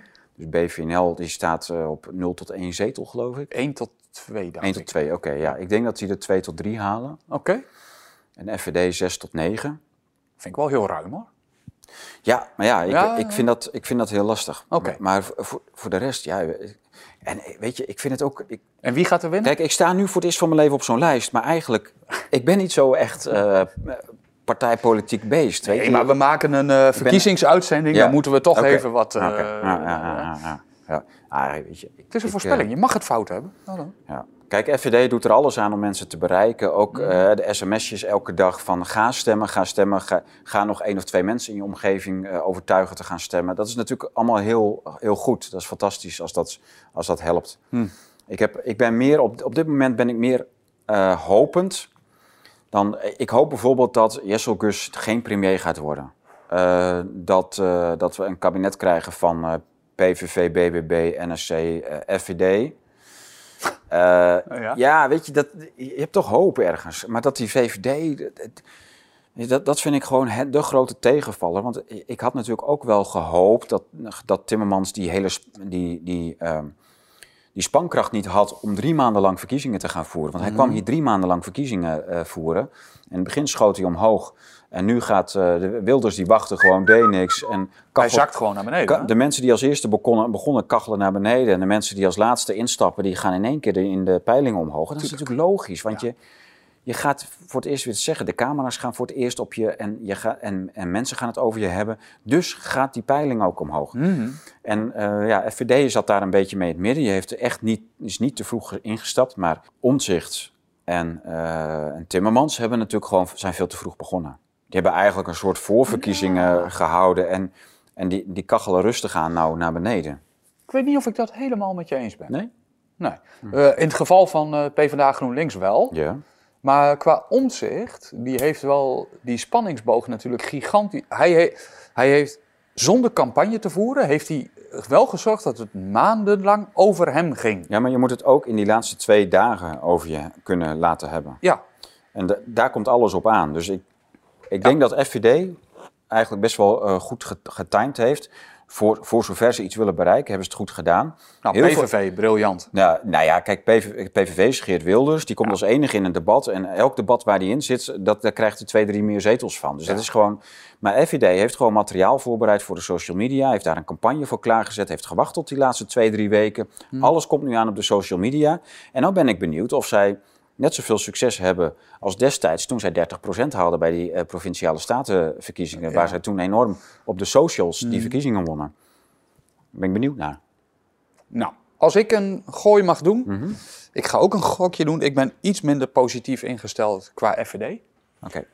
Nou ja, iets minder. Ik zeg, ik zeg zes of zeven. Ik denk dat dat het max haalbare is. Voor nu. Ik zie nog wel gebeuren dat PVV voor een verrassing gaat zorgen. Ja.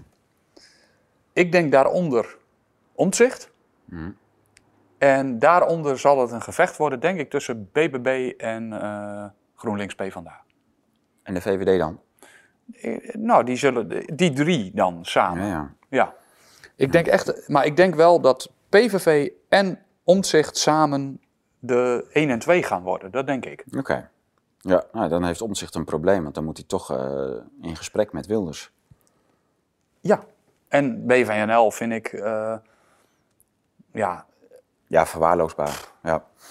En ook, eh, ook wel een beetje clownesk. Kijk, ze houden nog wel een beetje serieus, maar... ik zocht naar goede woorden. Kijk, maar, maar als Henk Krol op de lijst met zijn zesde partij... weet je, ja, oké. eh Jessel Gus heeft ook zes partijen gehad, of zeven, of acht, of negen, Ja. weet ik het. Ik vind Henk Krol Maar- niet eens het maar- probleem. Nee, dat is nog niet eens het probleem. nee, maar als je nee. en Henk Krol hebt en eh, met alle respect Sven Hulleman. Hmm. eh, ja, er, zit- er zit van alles op, de, op die lijst waarvan ik denk, wat, wat, wat doet dat daar? Ik vind de mensen die daar zitten niet het probleem. Ik vind die partij een beetje het probleem. Want ik denk bij mezelf, wat... Dat is wel een goeie. Hè, dus de- er is weinig, weinig hele eh, solide beeldvorming van dit zijn wij als partij. Ja. Wat FVD wel heeft, Ja, dat, dat heeft BVNL niet. Het zijn allemaal individuen Ja, precies. die een Ja. doel... Kijk, Henk Krol is heel sterk in Ja. dat pensioenverhaal. Nou, je, je verwoordt het beter dan ik, vind ik. Hè? Dus dat, dat, dat idee van dat je een clownslijst hebt, dat is misschien nog niet eens zo, zo waar. Dat, is, dat is, heb je met eh, Samen voor Nederland en zo. Dat is echt zo'n clownslijst. Dat is verschrikkelijk. Ja, Nee, dat is, eh, ik denk dat, eh, dat je een beter... eh, want ik vind Wiebren ook een hebt. hele geschikte vent. ja. ja, maar er is geen stevig beeld van, nou, dit zijn wij. En of dit, dit, dit van, Nou, mag ik het noemen in mijn woorden? Nou? En Dan kom ik weer met mijn eeuwige gezebel misschien. Maar ik, ik vind het een opportunistische partij. Ze springen op elke wagen en daar, voor elke wagen hebben ze ook iemand om erop te zetten. Maar het is geen samenhangend verhaal met een coherent wereldbeeld. Nee, dus het is eigenlijk een soort van uh, VVD, mensbeeld. een rechtse VVD. Dus, dus heel, heel erg een... Uh, Wat Wieberen van Haga toevallig ook is. Ja, maar PVV ook. Uh, ja, dus ik vind dat wel een... Ja, als partijen zijn, vind, ik vind het geen partij. Ben ik helemaal met je eens. Hm. Het, is gewoon, het is gewoon geen partij. Het is een los zand van mensen die, waarvan je alle, allemaal afzonderlijk wel zou kunnen zeggen... Van, ja, het is gewoon serieus. Ja. Ja, maar de, maar, maar als, als partij is het heel, heel raar. Nou ja, een lege, we moeten iets met de boeren. We moeten iets doen met de boeren. Oh, Sita van Kijnpema. Uh, we moeten iets doen met de pensioenen. Ah, Henk Krol. Hmm. Uh, en zo, en uh, nou, voor de ondernemers hebben we dan Wieberen natuurlijk, onze huisjesmelker. voor de filosofen pakken we Sven Hulleman erbij. ik, noem, ik, ik, weet het niet. Wat, wat voor publiek zou Sven trekken? Ik, ik denk dat dat gewoon weer die ja, die, die 50-jarige huisvrouwen nou, zijn, die, die Sven schattig vinden. het zou ook kunnen. Maar ja, toch? Dat vind ik even minder. Maar ik roep zomaar een aantal thema's waar ze dan op meeboeren. Mhm. En ja, ik, ik, dit vind ik het klassieke voorbeeld van opportunisme. Ja. Terwijl juist in de politiek is dat niet wat ik graag zou willen zien. Ja, nou ja, goed. Dus uh, kijk, ik, ben, uh, ik heb ooit een keer een mooi boekje van Oswald van Spengler uh, vertaald. Uh, Oswald Spengler, die, uh, die Duitse filosoof met Van de ondergang van het avondland. En mhm. ik heb toen de mens en de techniek vertaald, die is in herdruk. Ja, hij heeft dat, ook dat, dat parlementarisme, daar heeft hij zo'n soort profetische weergave van geschetst in de ondergang van het avondland en in nog een aantal andere boeken. Mhm. Dat, dat, dat is toch wel aan het, aan het neergaan. Hè? Dus dat het redden van de democratie, wat je, dat zie je ook op rechts. Dat we, eh, George, met, uh, George van Houts, met mhm. zijn, ja, de democratie moet gered worden, zei hij bij de Libertarische Partij aan tafel. Kijk, daar geloof ik niet in. Ik, nou, laten we dan eerst eens definiëren wat die democratie in moet houden. Het, het, parlementarisme zelf, de democratie, is wel echt een probleem in zichzelf en uh, die uitwas wordt groter. Kijk, een parlement of een democratie werkt wel zolang, het, zolang de onderkant van de, zolang het volk wat stemt, stabiel is. Zolang dat, het, net als met het liberalisme in de 19e eeuw. Je kreeg, in, in 1848 kreeg je zo'n doorbraak van het mhm. liberalisme met grondwetten en dergelijke. En je zag niet direct hoe desastreus dat was. Simpelweg omdat de meerderheid van de mensen toen was gewoon christen. Er waren hechte volksgemeenschappen. Ze, hadden, ze gingen zondag met z'n allen naar de kerk. Uh, ze deden van alles aan de, samen aan de publieke werken. Was, het werd allemaal wel het functioneerde allemaal gewoon heel goed aan de onderkant. Maar op een gegeven moment, als dat liberalisme doorwerkt en iedereen van elkaar scheidt en, uh, en, en alle, alle gemeenschapstaken over, over gaat nemen in samenwerking met het socialisme, maar die twee hebben elkaar versterkt, ja, dan op een gegeven moment zie je dus dat de basis gewoon uh, afbrokkelt, het volksleven verdwijnt.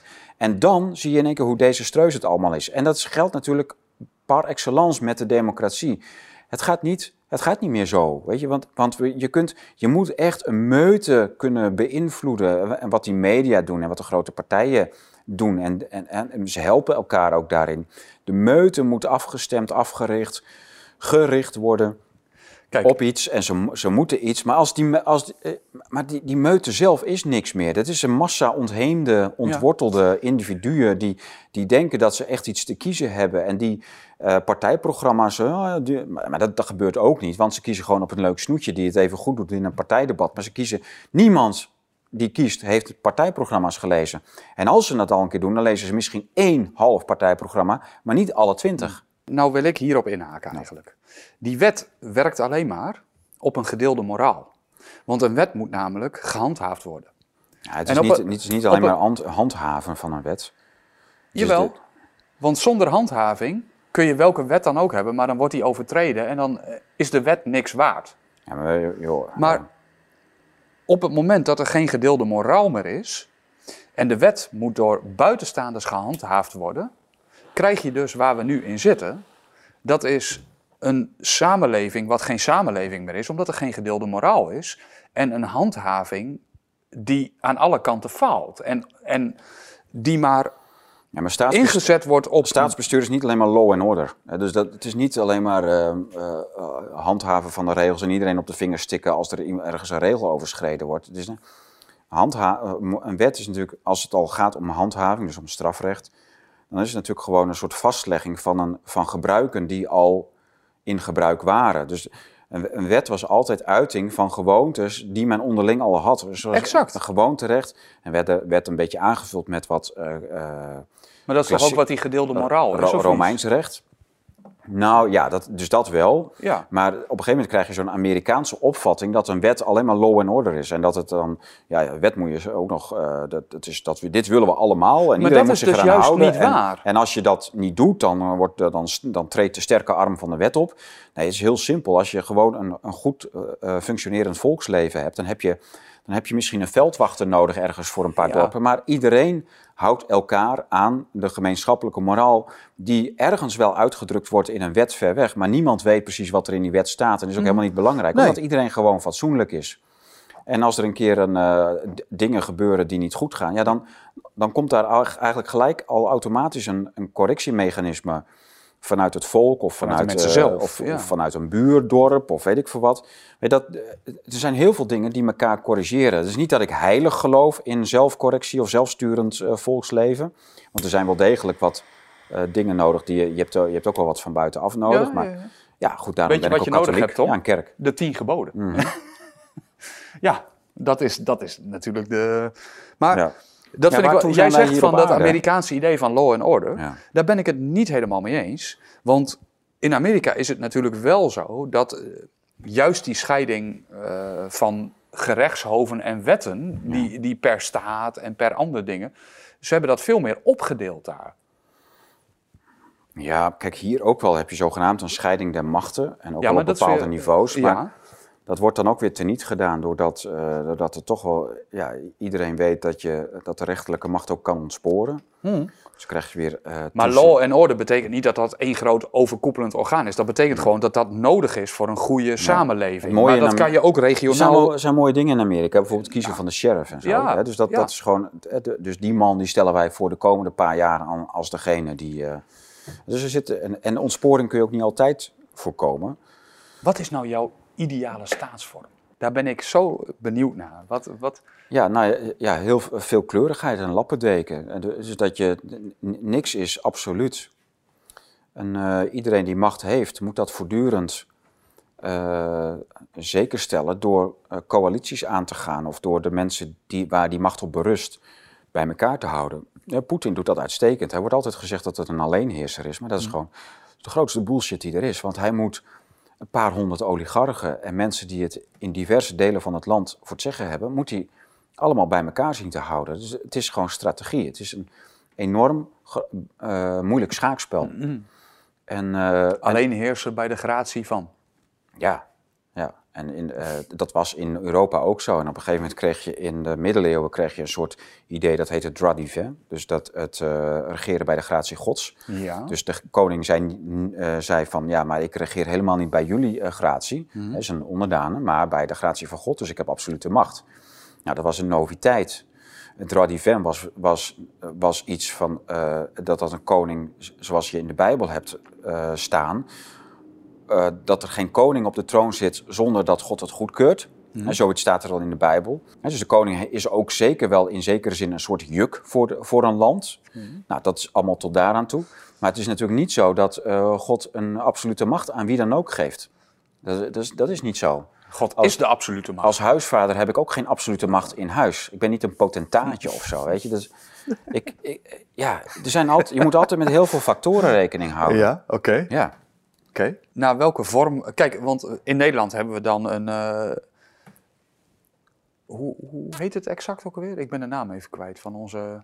Een ceremoniële monarchie met een parlementair stelsel, zoiets. Maar goed, weet je, dat is, dat is allemaal officiële bewoordingen. Maar Maar ik weet bijvoorbeeld dat jij wel voor een eh, bepaalde vorm van monarchie bent. ja, dat is niet erg. Nee. Nee. Maar we hebben nu een oligarch die monarch is. En dat, dat is natuurlijk niet zo raar. Dat is een beetje raar. Ah, Ja. kijk. Ja, dus de, de, het geld regeert en niet, eh, het wordt dan eh, weggezet als een ambt. Ja, sorry, maar zo Ja. werkt het niet. Nee. Dus eh, waar moeten we naartoe?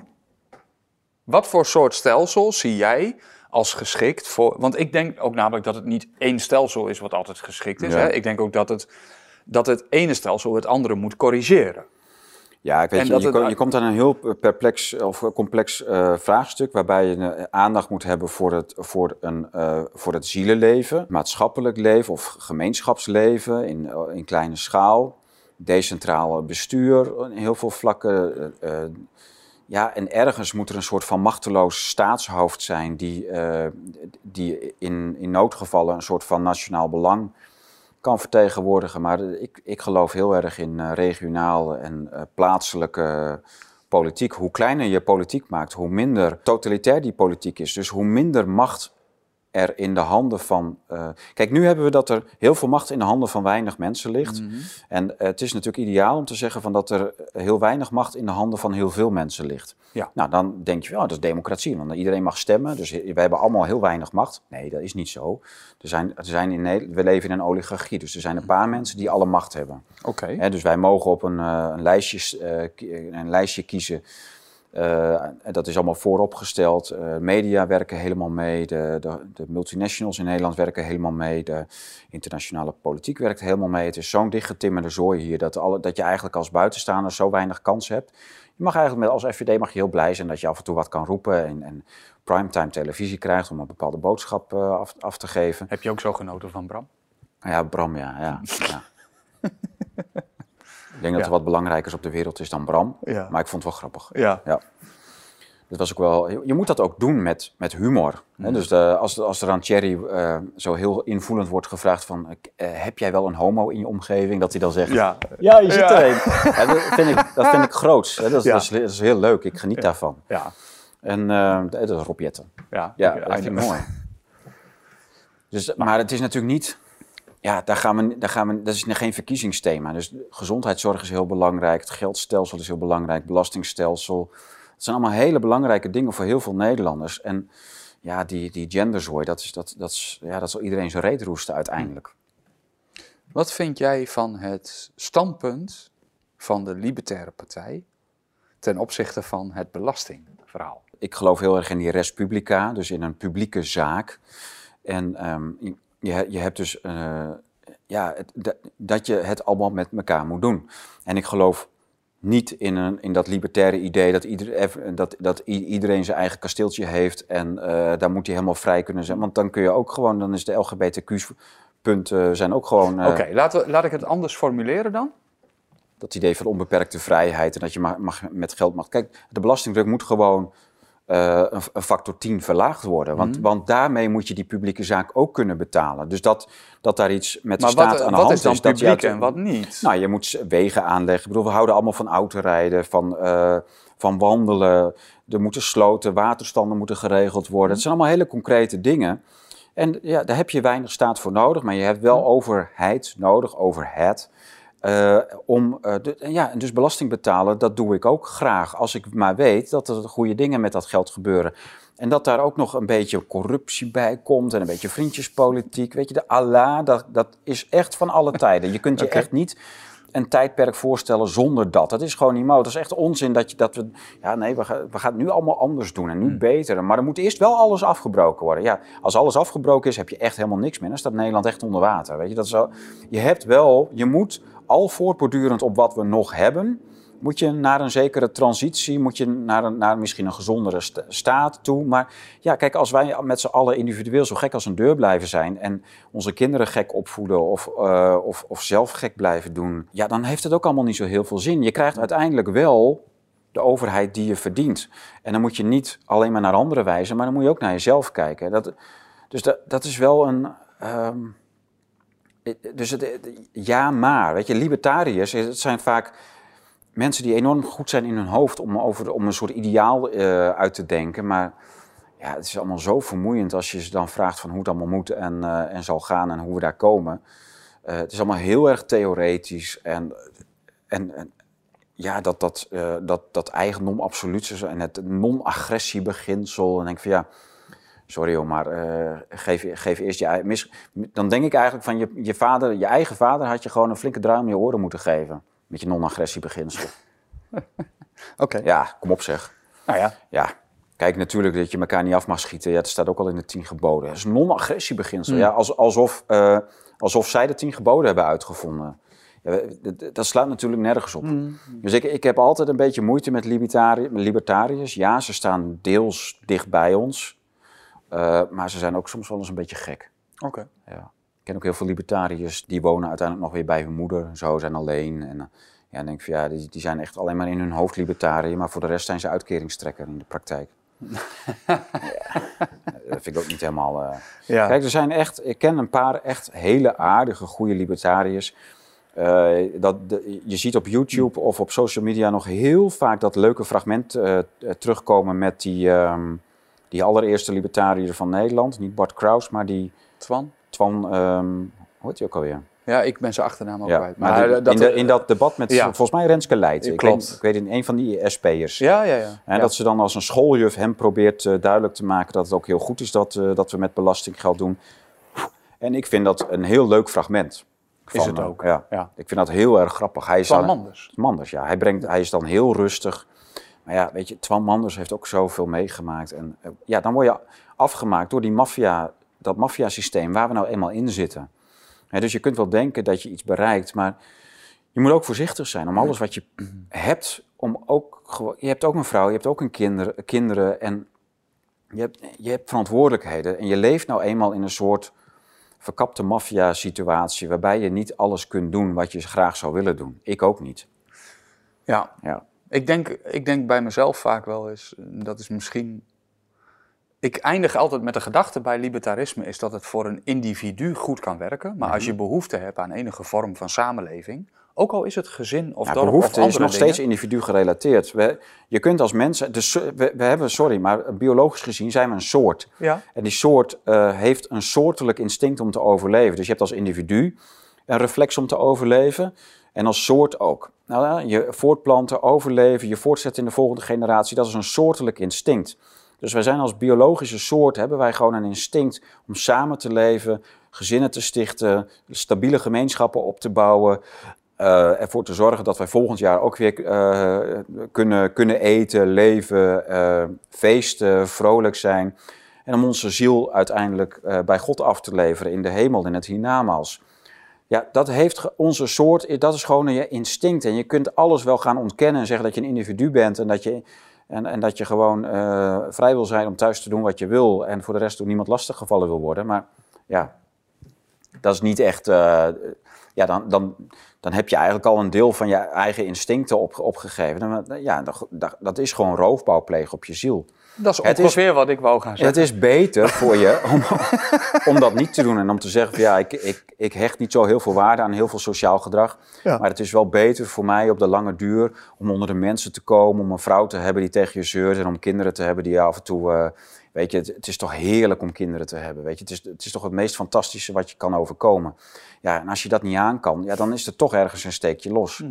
Een kind op de wereld zetten of een heel gezin op de wereld zetten en ervoor zorgen daar kan geen belasting tegen op. Weet je, dat kost vele, vele malen meer dan belasting betalen. Dat is je echte belasting. Dat is je belasting aan de gemeenschap. Dus je, je, en elke vader en elke moeder weet dat gewoon vaderschap en moederschap, uh, dat dat ook een soort opoffering is. Je, je het leven is geen, geen hedonistisch gebeuren. Nee, het, is, het, het leven is ook een offer.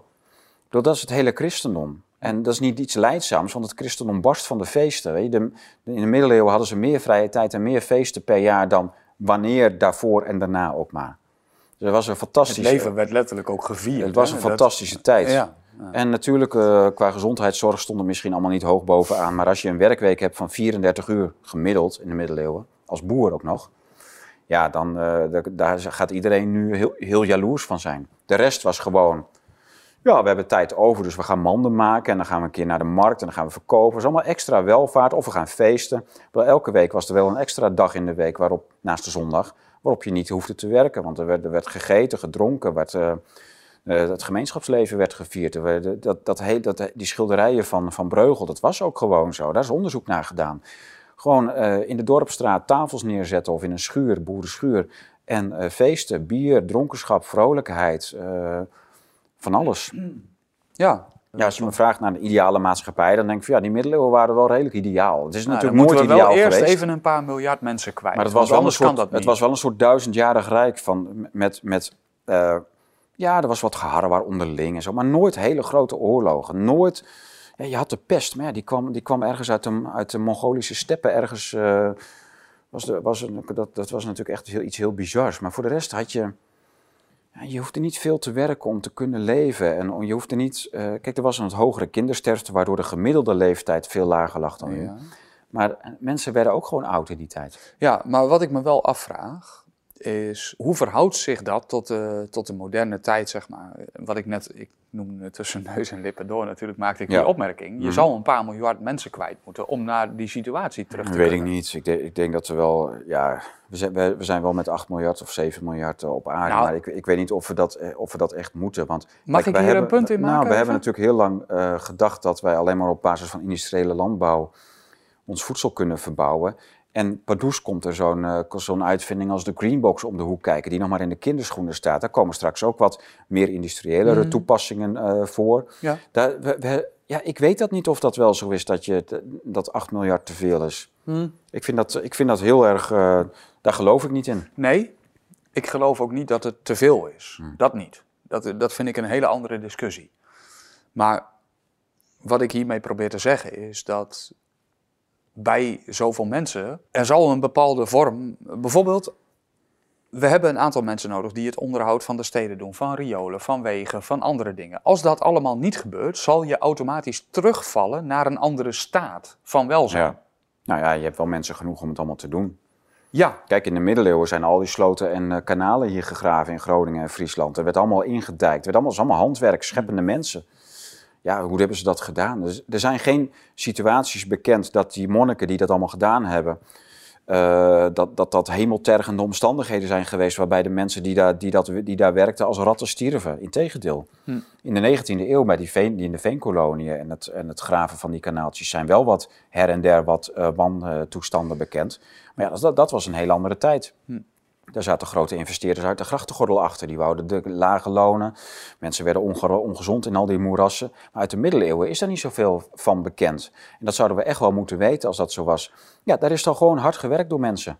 Ja. Ja, er is allemaal ingedijkt, sloten gegraven, afwateringen, sluizen, kanalen. Het was fantastisch wat er toen gebouwd werd. Hm. Er zijn kloosters uit de grond gestampt, bakstenen gebakken. Nou, ik, de- ik denk wel met een, eh, een vergroting van het aantal mensen op aarde, dat je automatisch ook eh, krijgt dat er meer mensen leven in gebieden waar het moeilijker is om jezelf te onderhouden. Mhm. En dat je dus automatisch ook eh, te maken krijgt met meer economie. Want die mensen willen dingen kopen, waardoor de welvaart van anderen verhoogt. En dat, dat heeft een, Ja. een soort stapel-effect. Nee, de welvaart gaat wel achteruit. Maar dat hebben we natuurlijk in het begin van het gesprek ook al gezegd. Dat we dingen op ons bord krijgen. Waardoor we, eh, eh, ja, we gaan zo enorm achteruit qua, qua welvaart. Maar we moeten het wel, ja, op een gegeven moment is dit niet meer uit te stellen. Die hele, die hele implosie van... eh, Nee.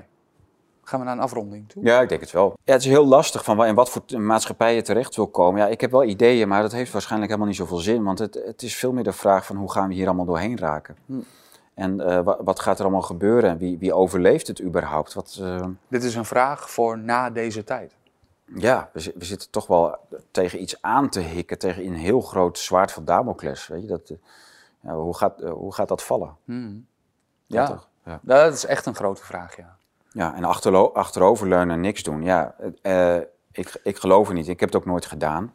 Ik, ik denk wel dat je, dat, je, je al, dat je je best moet doen om rust te bewaren voor jezelf. Om, eh, om eh, ruimte te geven aan vrolijkheid, aan het leven zelf, aan je, de mensen om je heen. En dat je niet jezelf moet, moet opsluiten in een of andere bijzondere stressvolle gedachte van... eh, Ja, dit hangt ons allemaal boven het hoofd. Oei, oei, oei. Hm.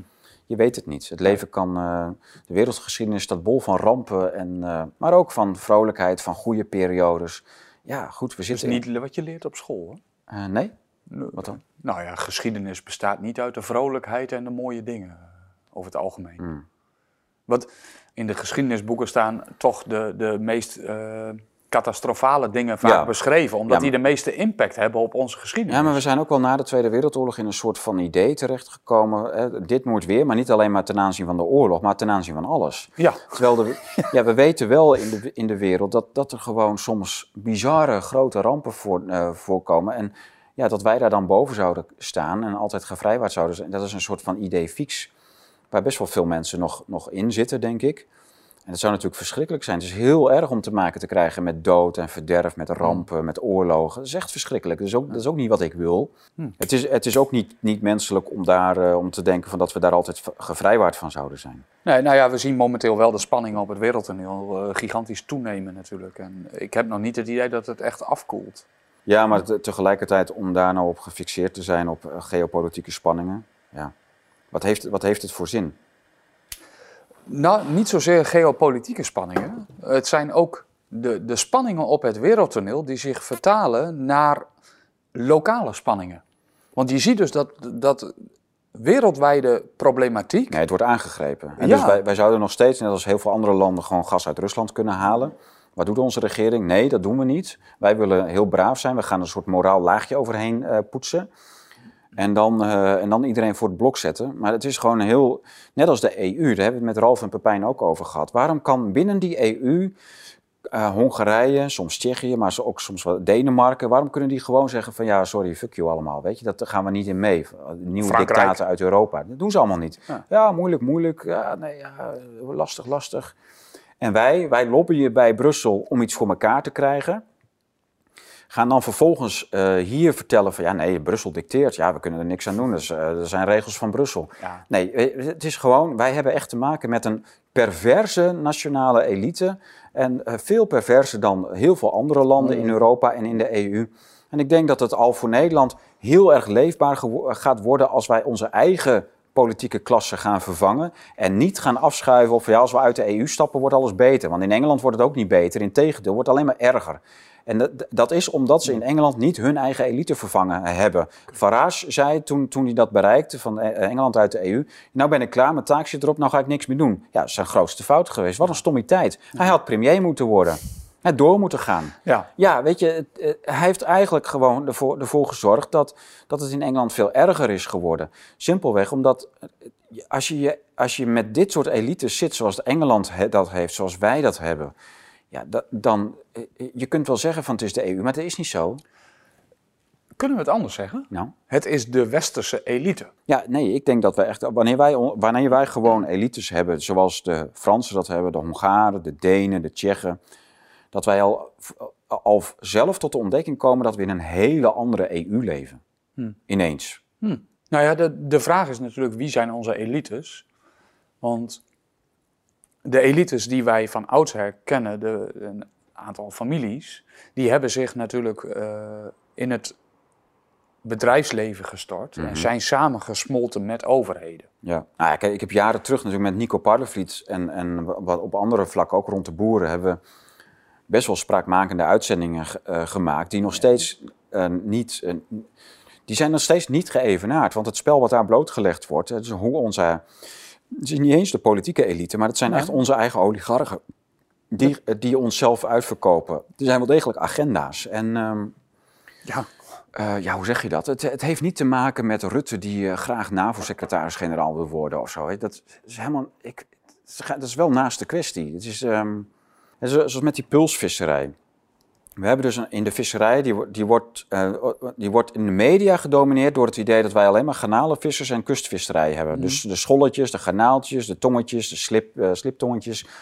En, eh, en, en dat we met sleepnetjes over de bodem gaan. Die, en dat is allemaal heel erg, want dat beroert de bodem en zo en de Noordzee.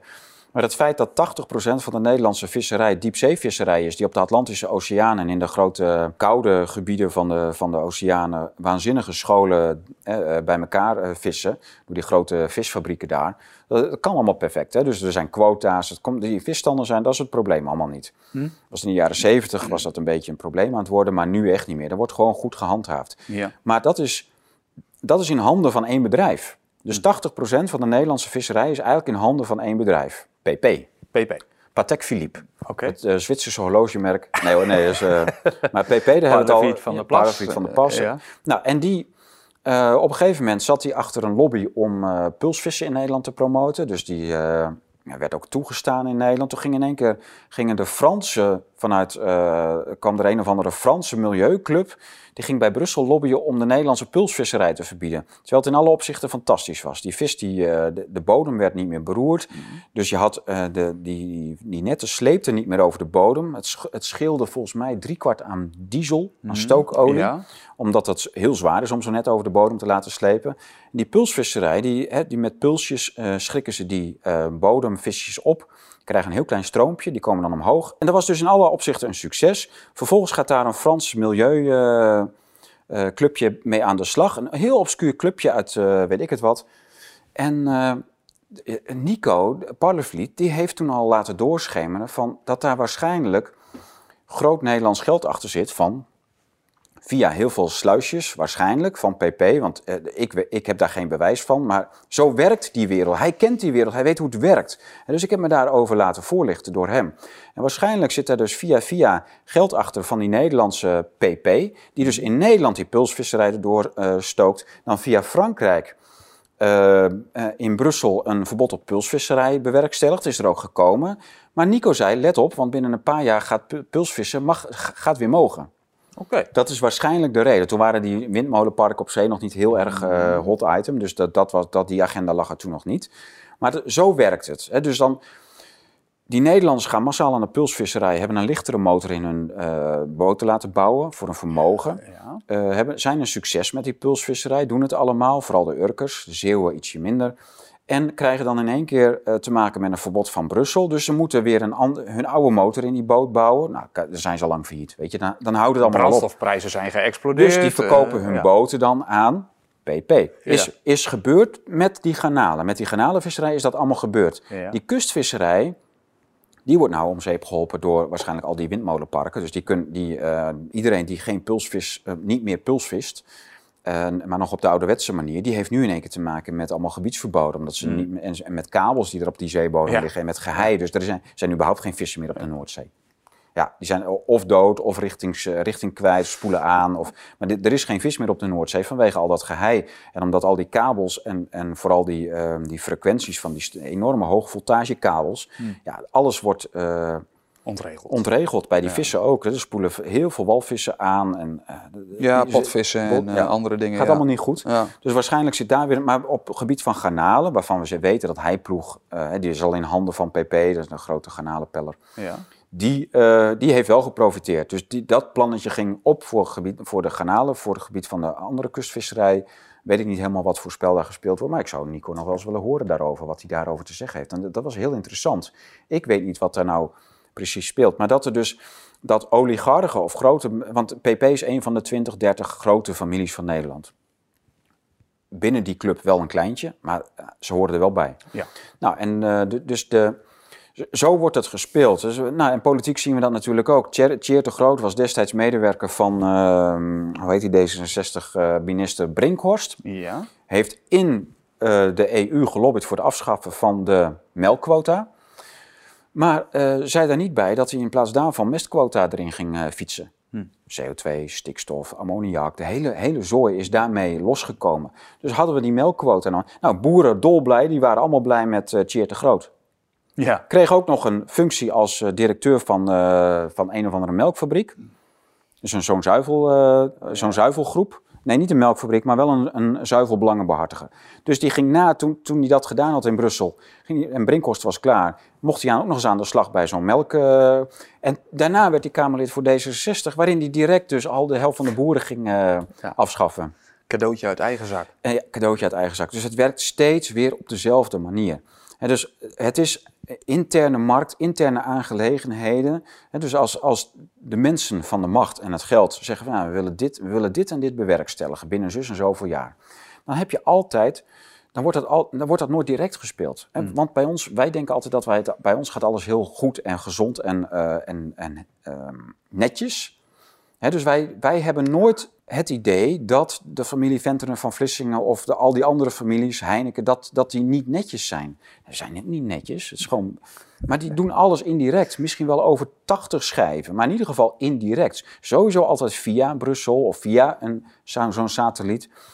Maar als zij hadden, Als ze, dat bij, als ze alles wat ze doen direct hadden gespeeld, dan hadden we natuurlijk al 80 jaar geleden het idee van verrek, wat leven we in een maffialand. wat is dit voor, wat is dit voor raars? Dan Ja. waren ze misschien ook al lang allemaal weg geweest. Ja. En dus ze doen het ook niet voor niks allemaal zo. Dus al die indirecte operaties. Wa- Wat dat betreft hebben wij in Nederland natuurlijk wel de, een, van de meest, een van de meest ultieme vormen van corruptie uitgevonden. Denk ik. Ja, de EU. Ja, maar dat niet alleen. maar het is eh, dus niet, het- eh, wat, wat, ik blijf erbij, wat ik in begin, wat, ik net zei, ja, dat, maar ook van, eh, ze gebruiken nu de EU als, eh, als omweg.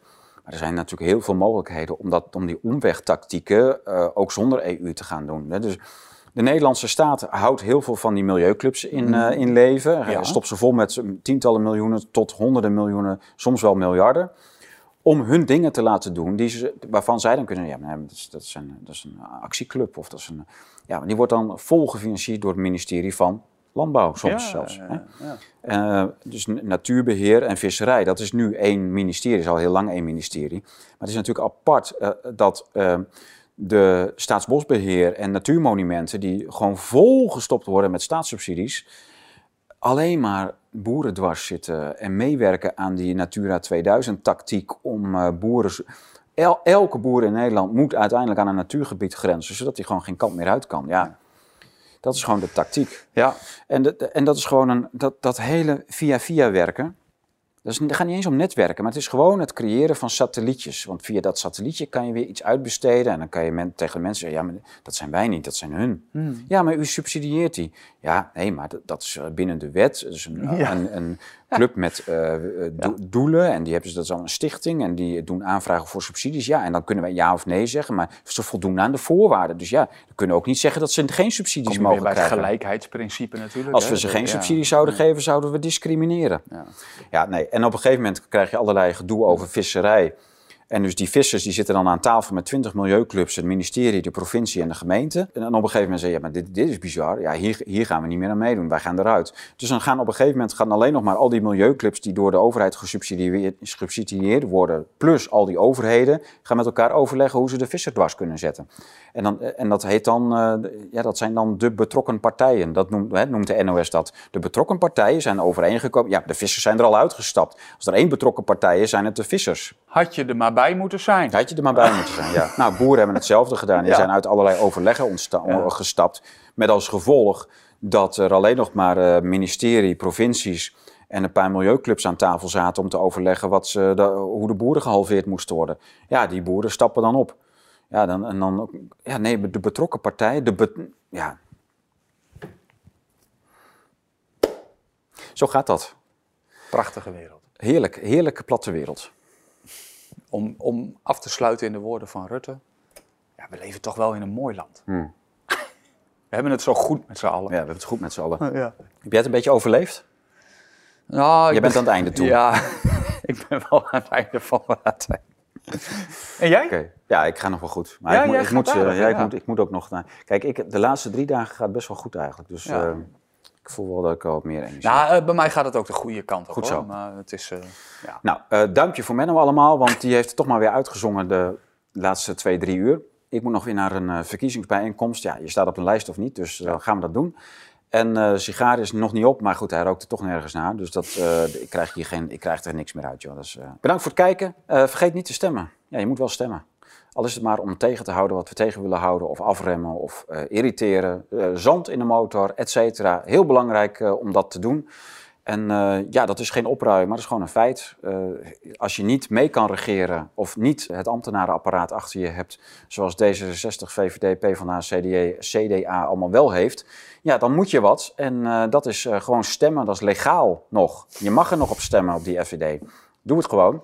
Want dan, eh, ja, je kunt dus op mij stemmen, lijst, lijst 7, plek 46, maar je kunt ook op Ralf stemmen. Fijne vent, goede vriend. Of op Thierry, Gideon, Pepijn, die hebben hun sporen verdiend. Geef ze een, eh, een duimpje omhoog en een vinkje op het stemformulier. Freek, ja, sorry. Freek is wel een FVD'er van het eerste uur. Vergeet niet te liken, subscriben, delen, sharen en, eh, en abonneren op ons YouTube-kanaal. Ja. Kun je ook op Bluetooth doen. Dus de video staat ook op bluetooth.studio. Schrijf je in op de nieuwsbrief. Moet je wel even, als je een mailtje van ons krijgt, nog even bevestigen. Want anders is je e-mailadres niet geldig. Nu, deze week, is het al Black Friday week. Dus komende vrijdag gaan we met de eerste acties van start. Bundels, kortingen, leuke dingen voor u. Voor een, eh, met altijd een leuk voordeeltje voor u. Voor de kerst, voor Sinterklaas. eh, denk er maar over na. We gaan eh, leuke dingen bij elkaar gooien in aanbiedingsbundels, actiebundels. Oké dan, Doen we. top. Dus de zaaikalender van Charles Dowding komt uit, die hebben we vertaald, gaat uitgegeven worden met de Nederlandse maanstanden, die heel belangrijk zijn in die no-dick tactiek, die, eh, die no-dick eh, manier Methode. om met je moestuin om te gaan. Dat is heel belangrijk. Die Charles Dowding heeft dat allemaal uitgezocht. Die heeft een hele zaaikalender voor het hele jaar. Die komt op 5 december uit. De Epoch komt deze week nog uit, wordt dan verzonden. Of die dan volgende week al op de mat ligt als abonnee. Ik, de- ik denk het wel, maar ik weet niet hoe dat met de post helemaal zit. Hoe we met eh, de drukte eh, gaan uitkomen. Ja, de Greenbox en de oertijdcode. Dus we gaan echt een vol programma voor die tuin neerzetten. Sommige dingen zitten in parelmoer.shop, andere dingen in de blauwetijger.com slash winkel. Maar de actiebundels die eh, zitten allemaal in de blauwe tijger, want we hebben een beetje steun nodig. We, hebben, we zijn echt wel een paar weken van de kaart geweest. Yep. Dus de, het is een beetje droog aan het worden in de, in de kas van de blauwe tijger. Krijgt u wat van ons en dan krijgen wij wat van u. Top. Ja. Tot de volgende keer.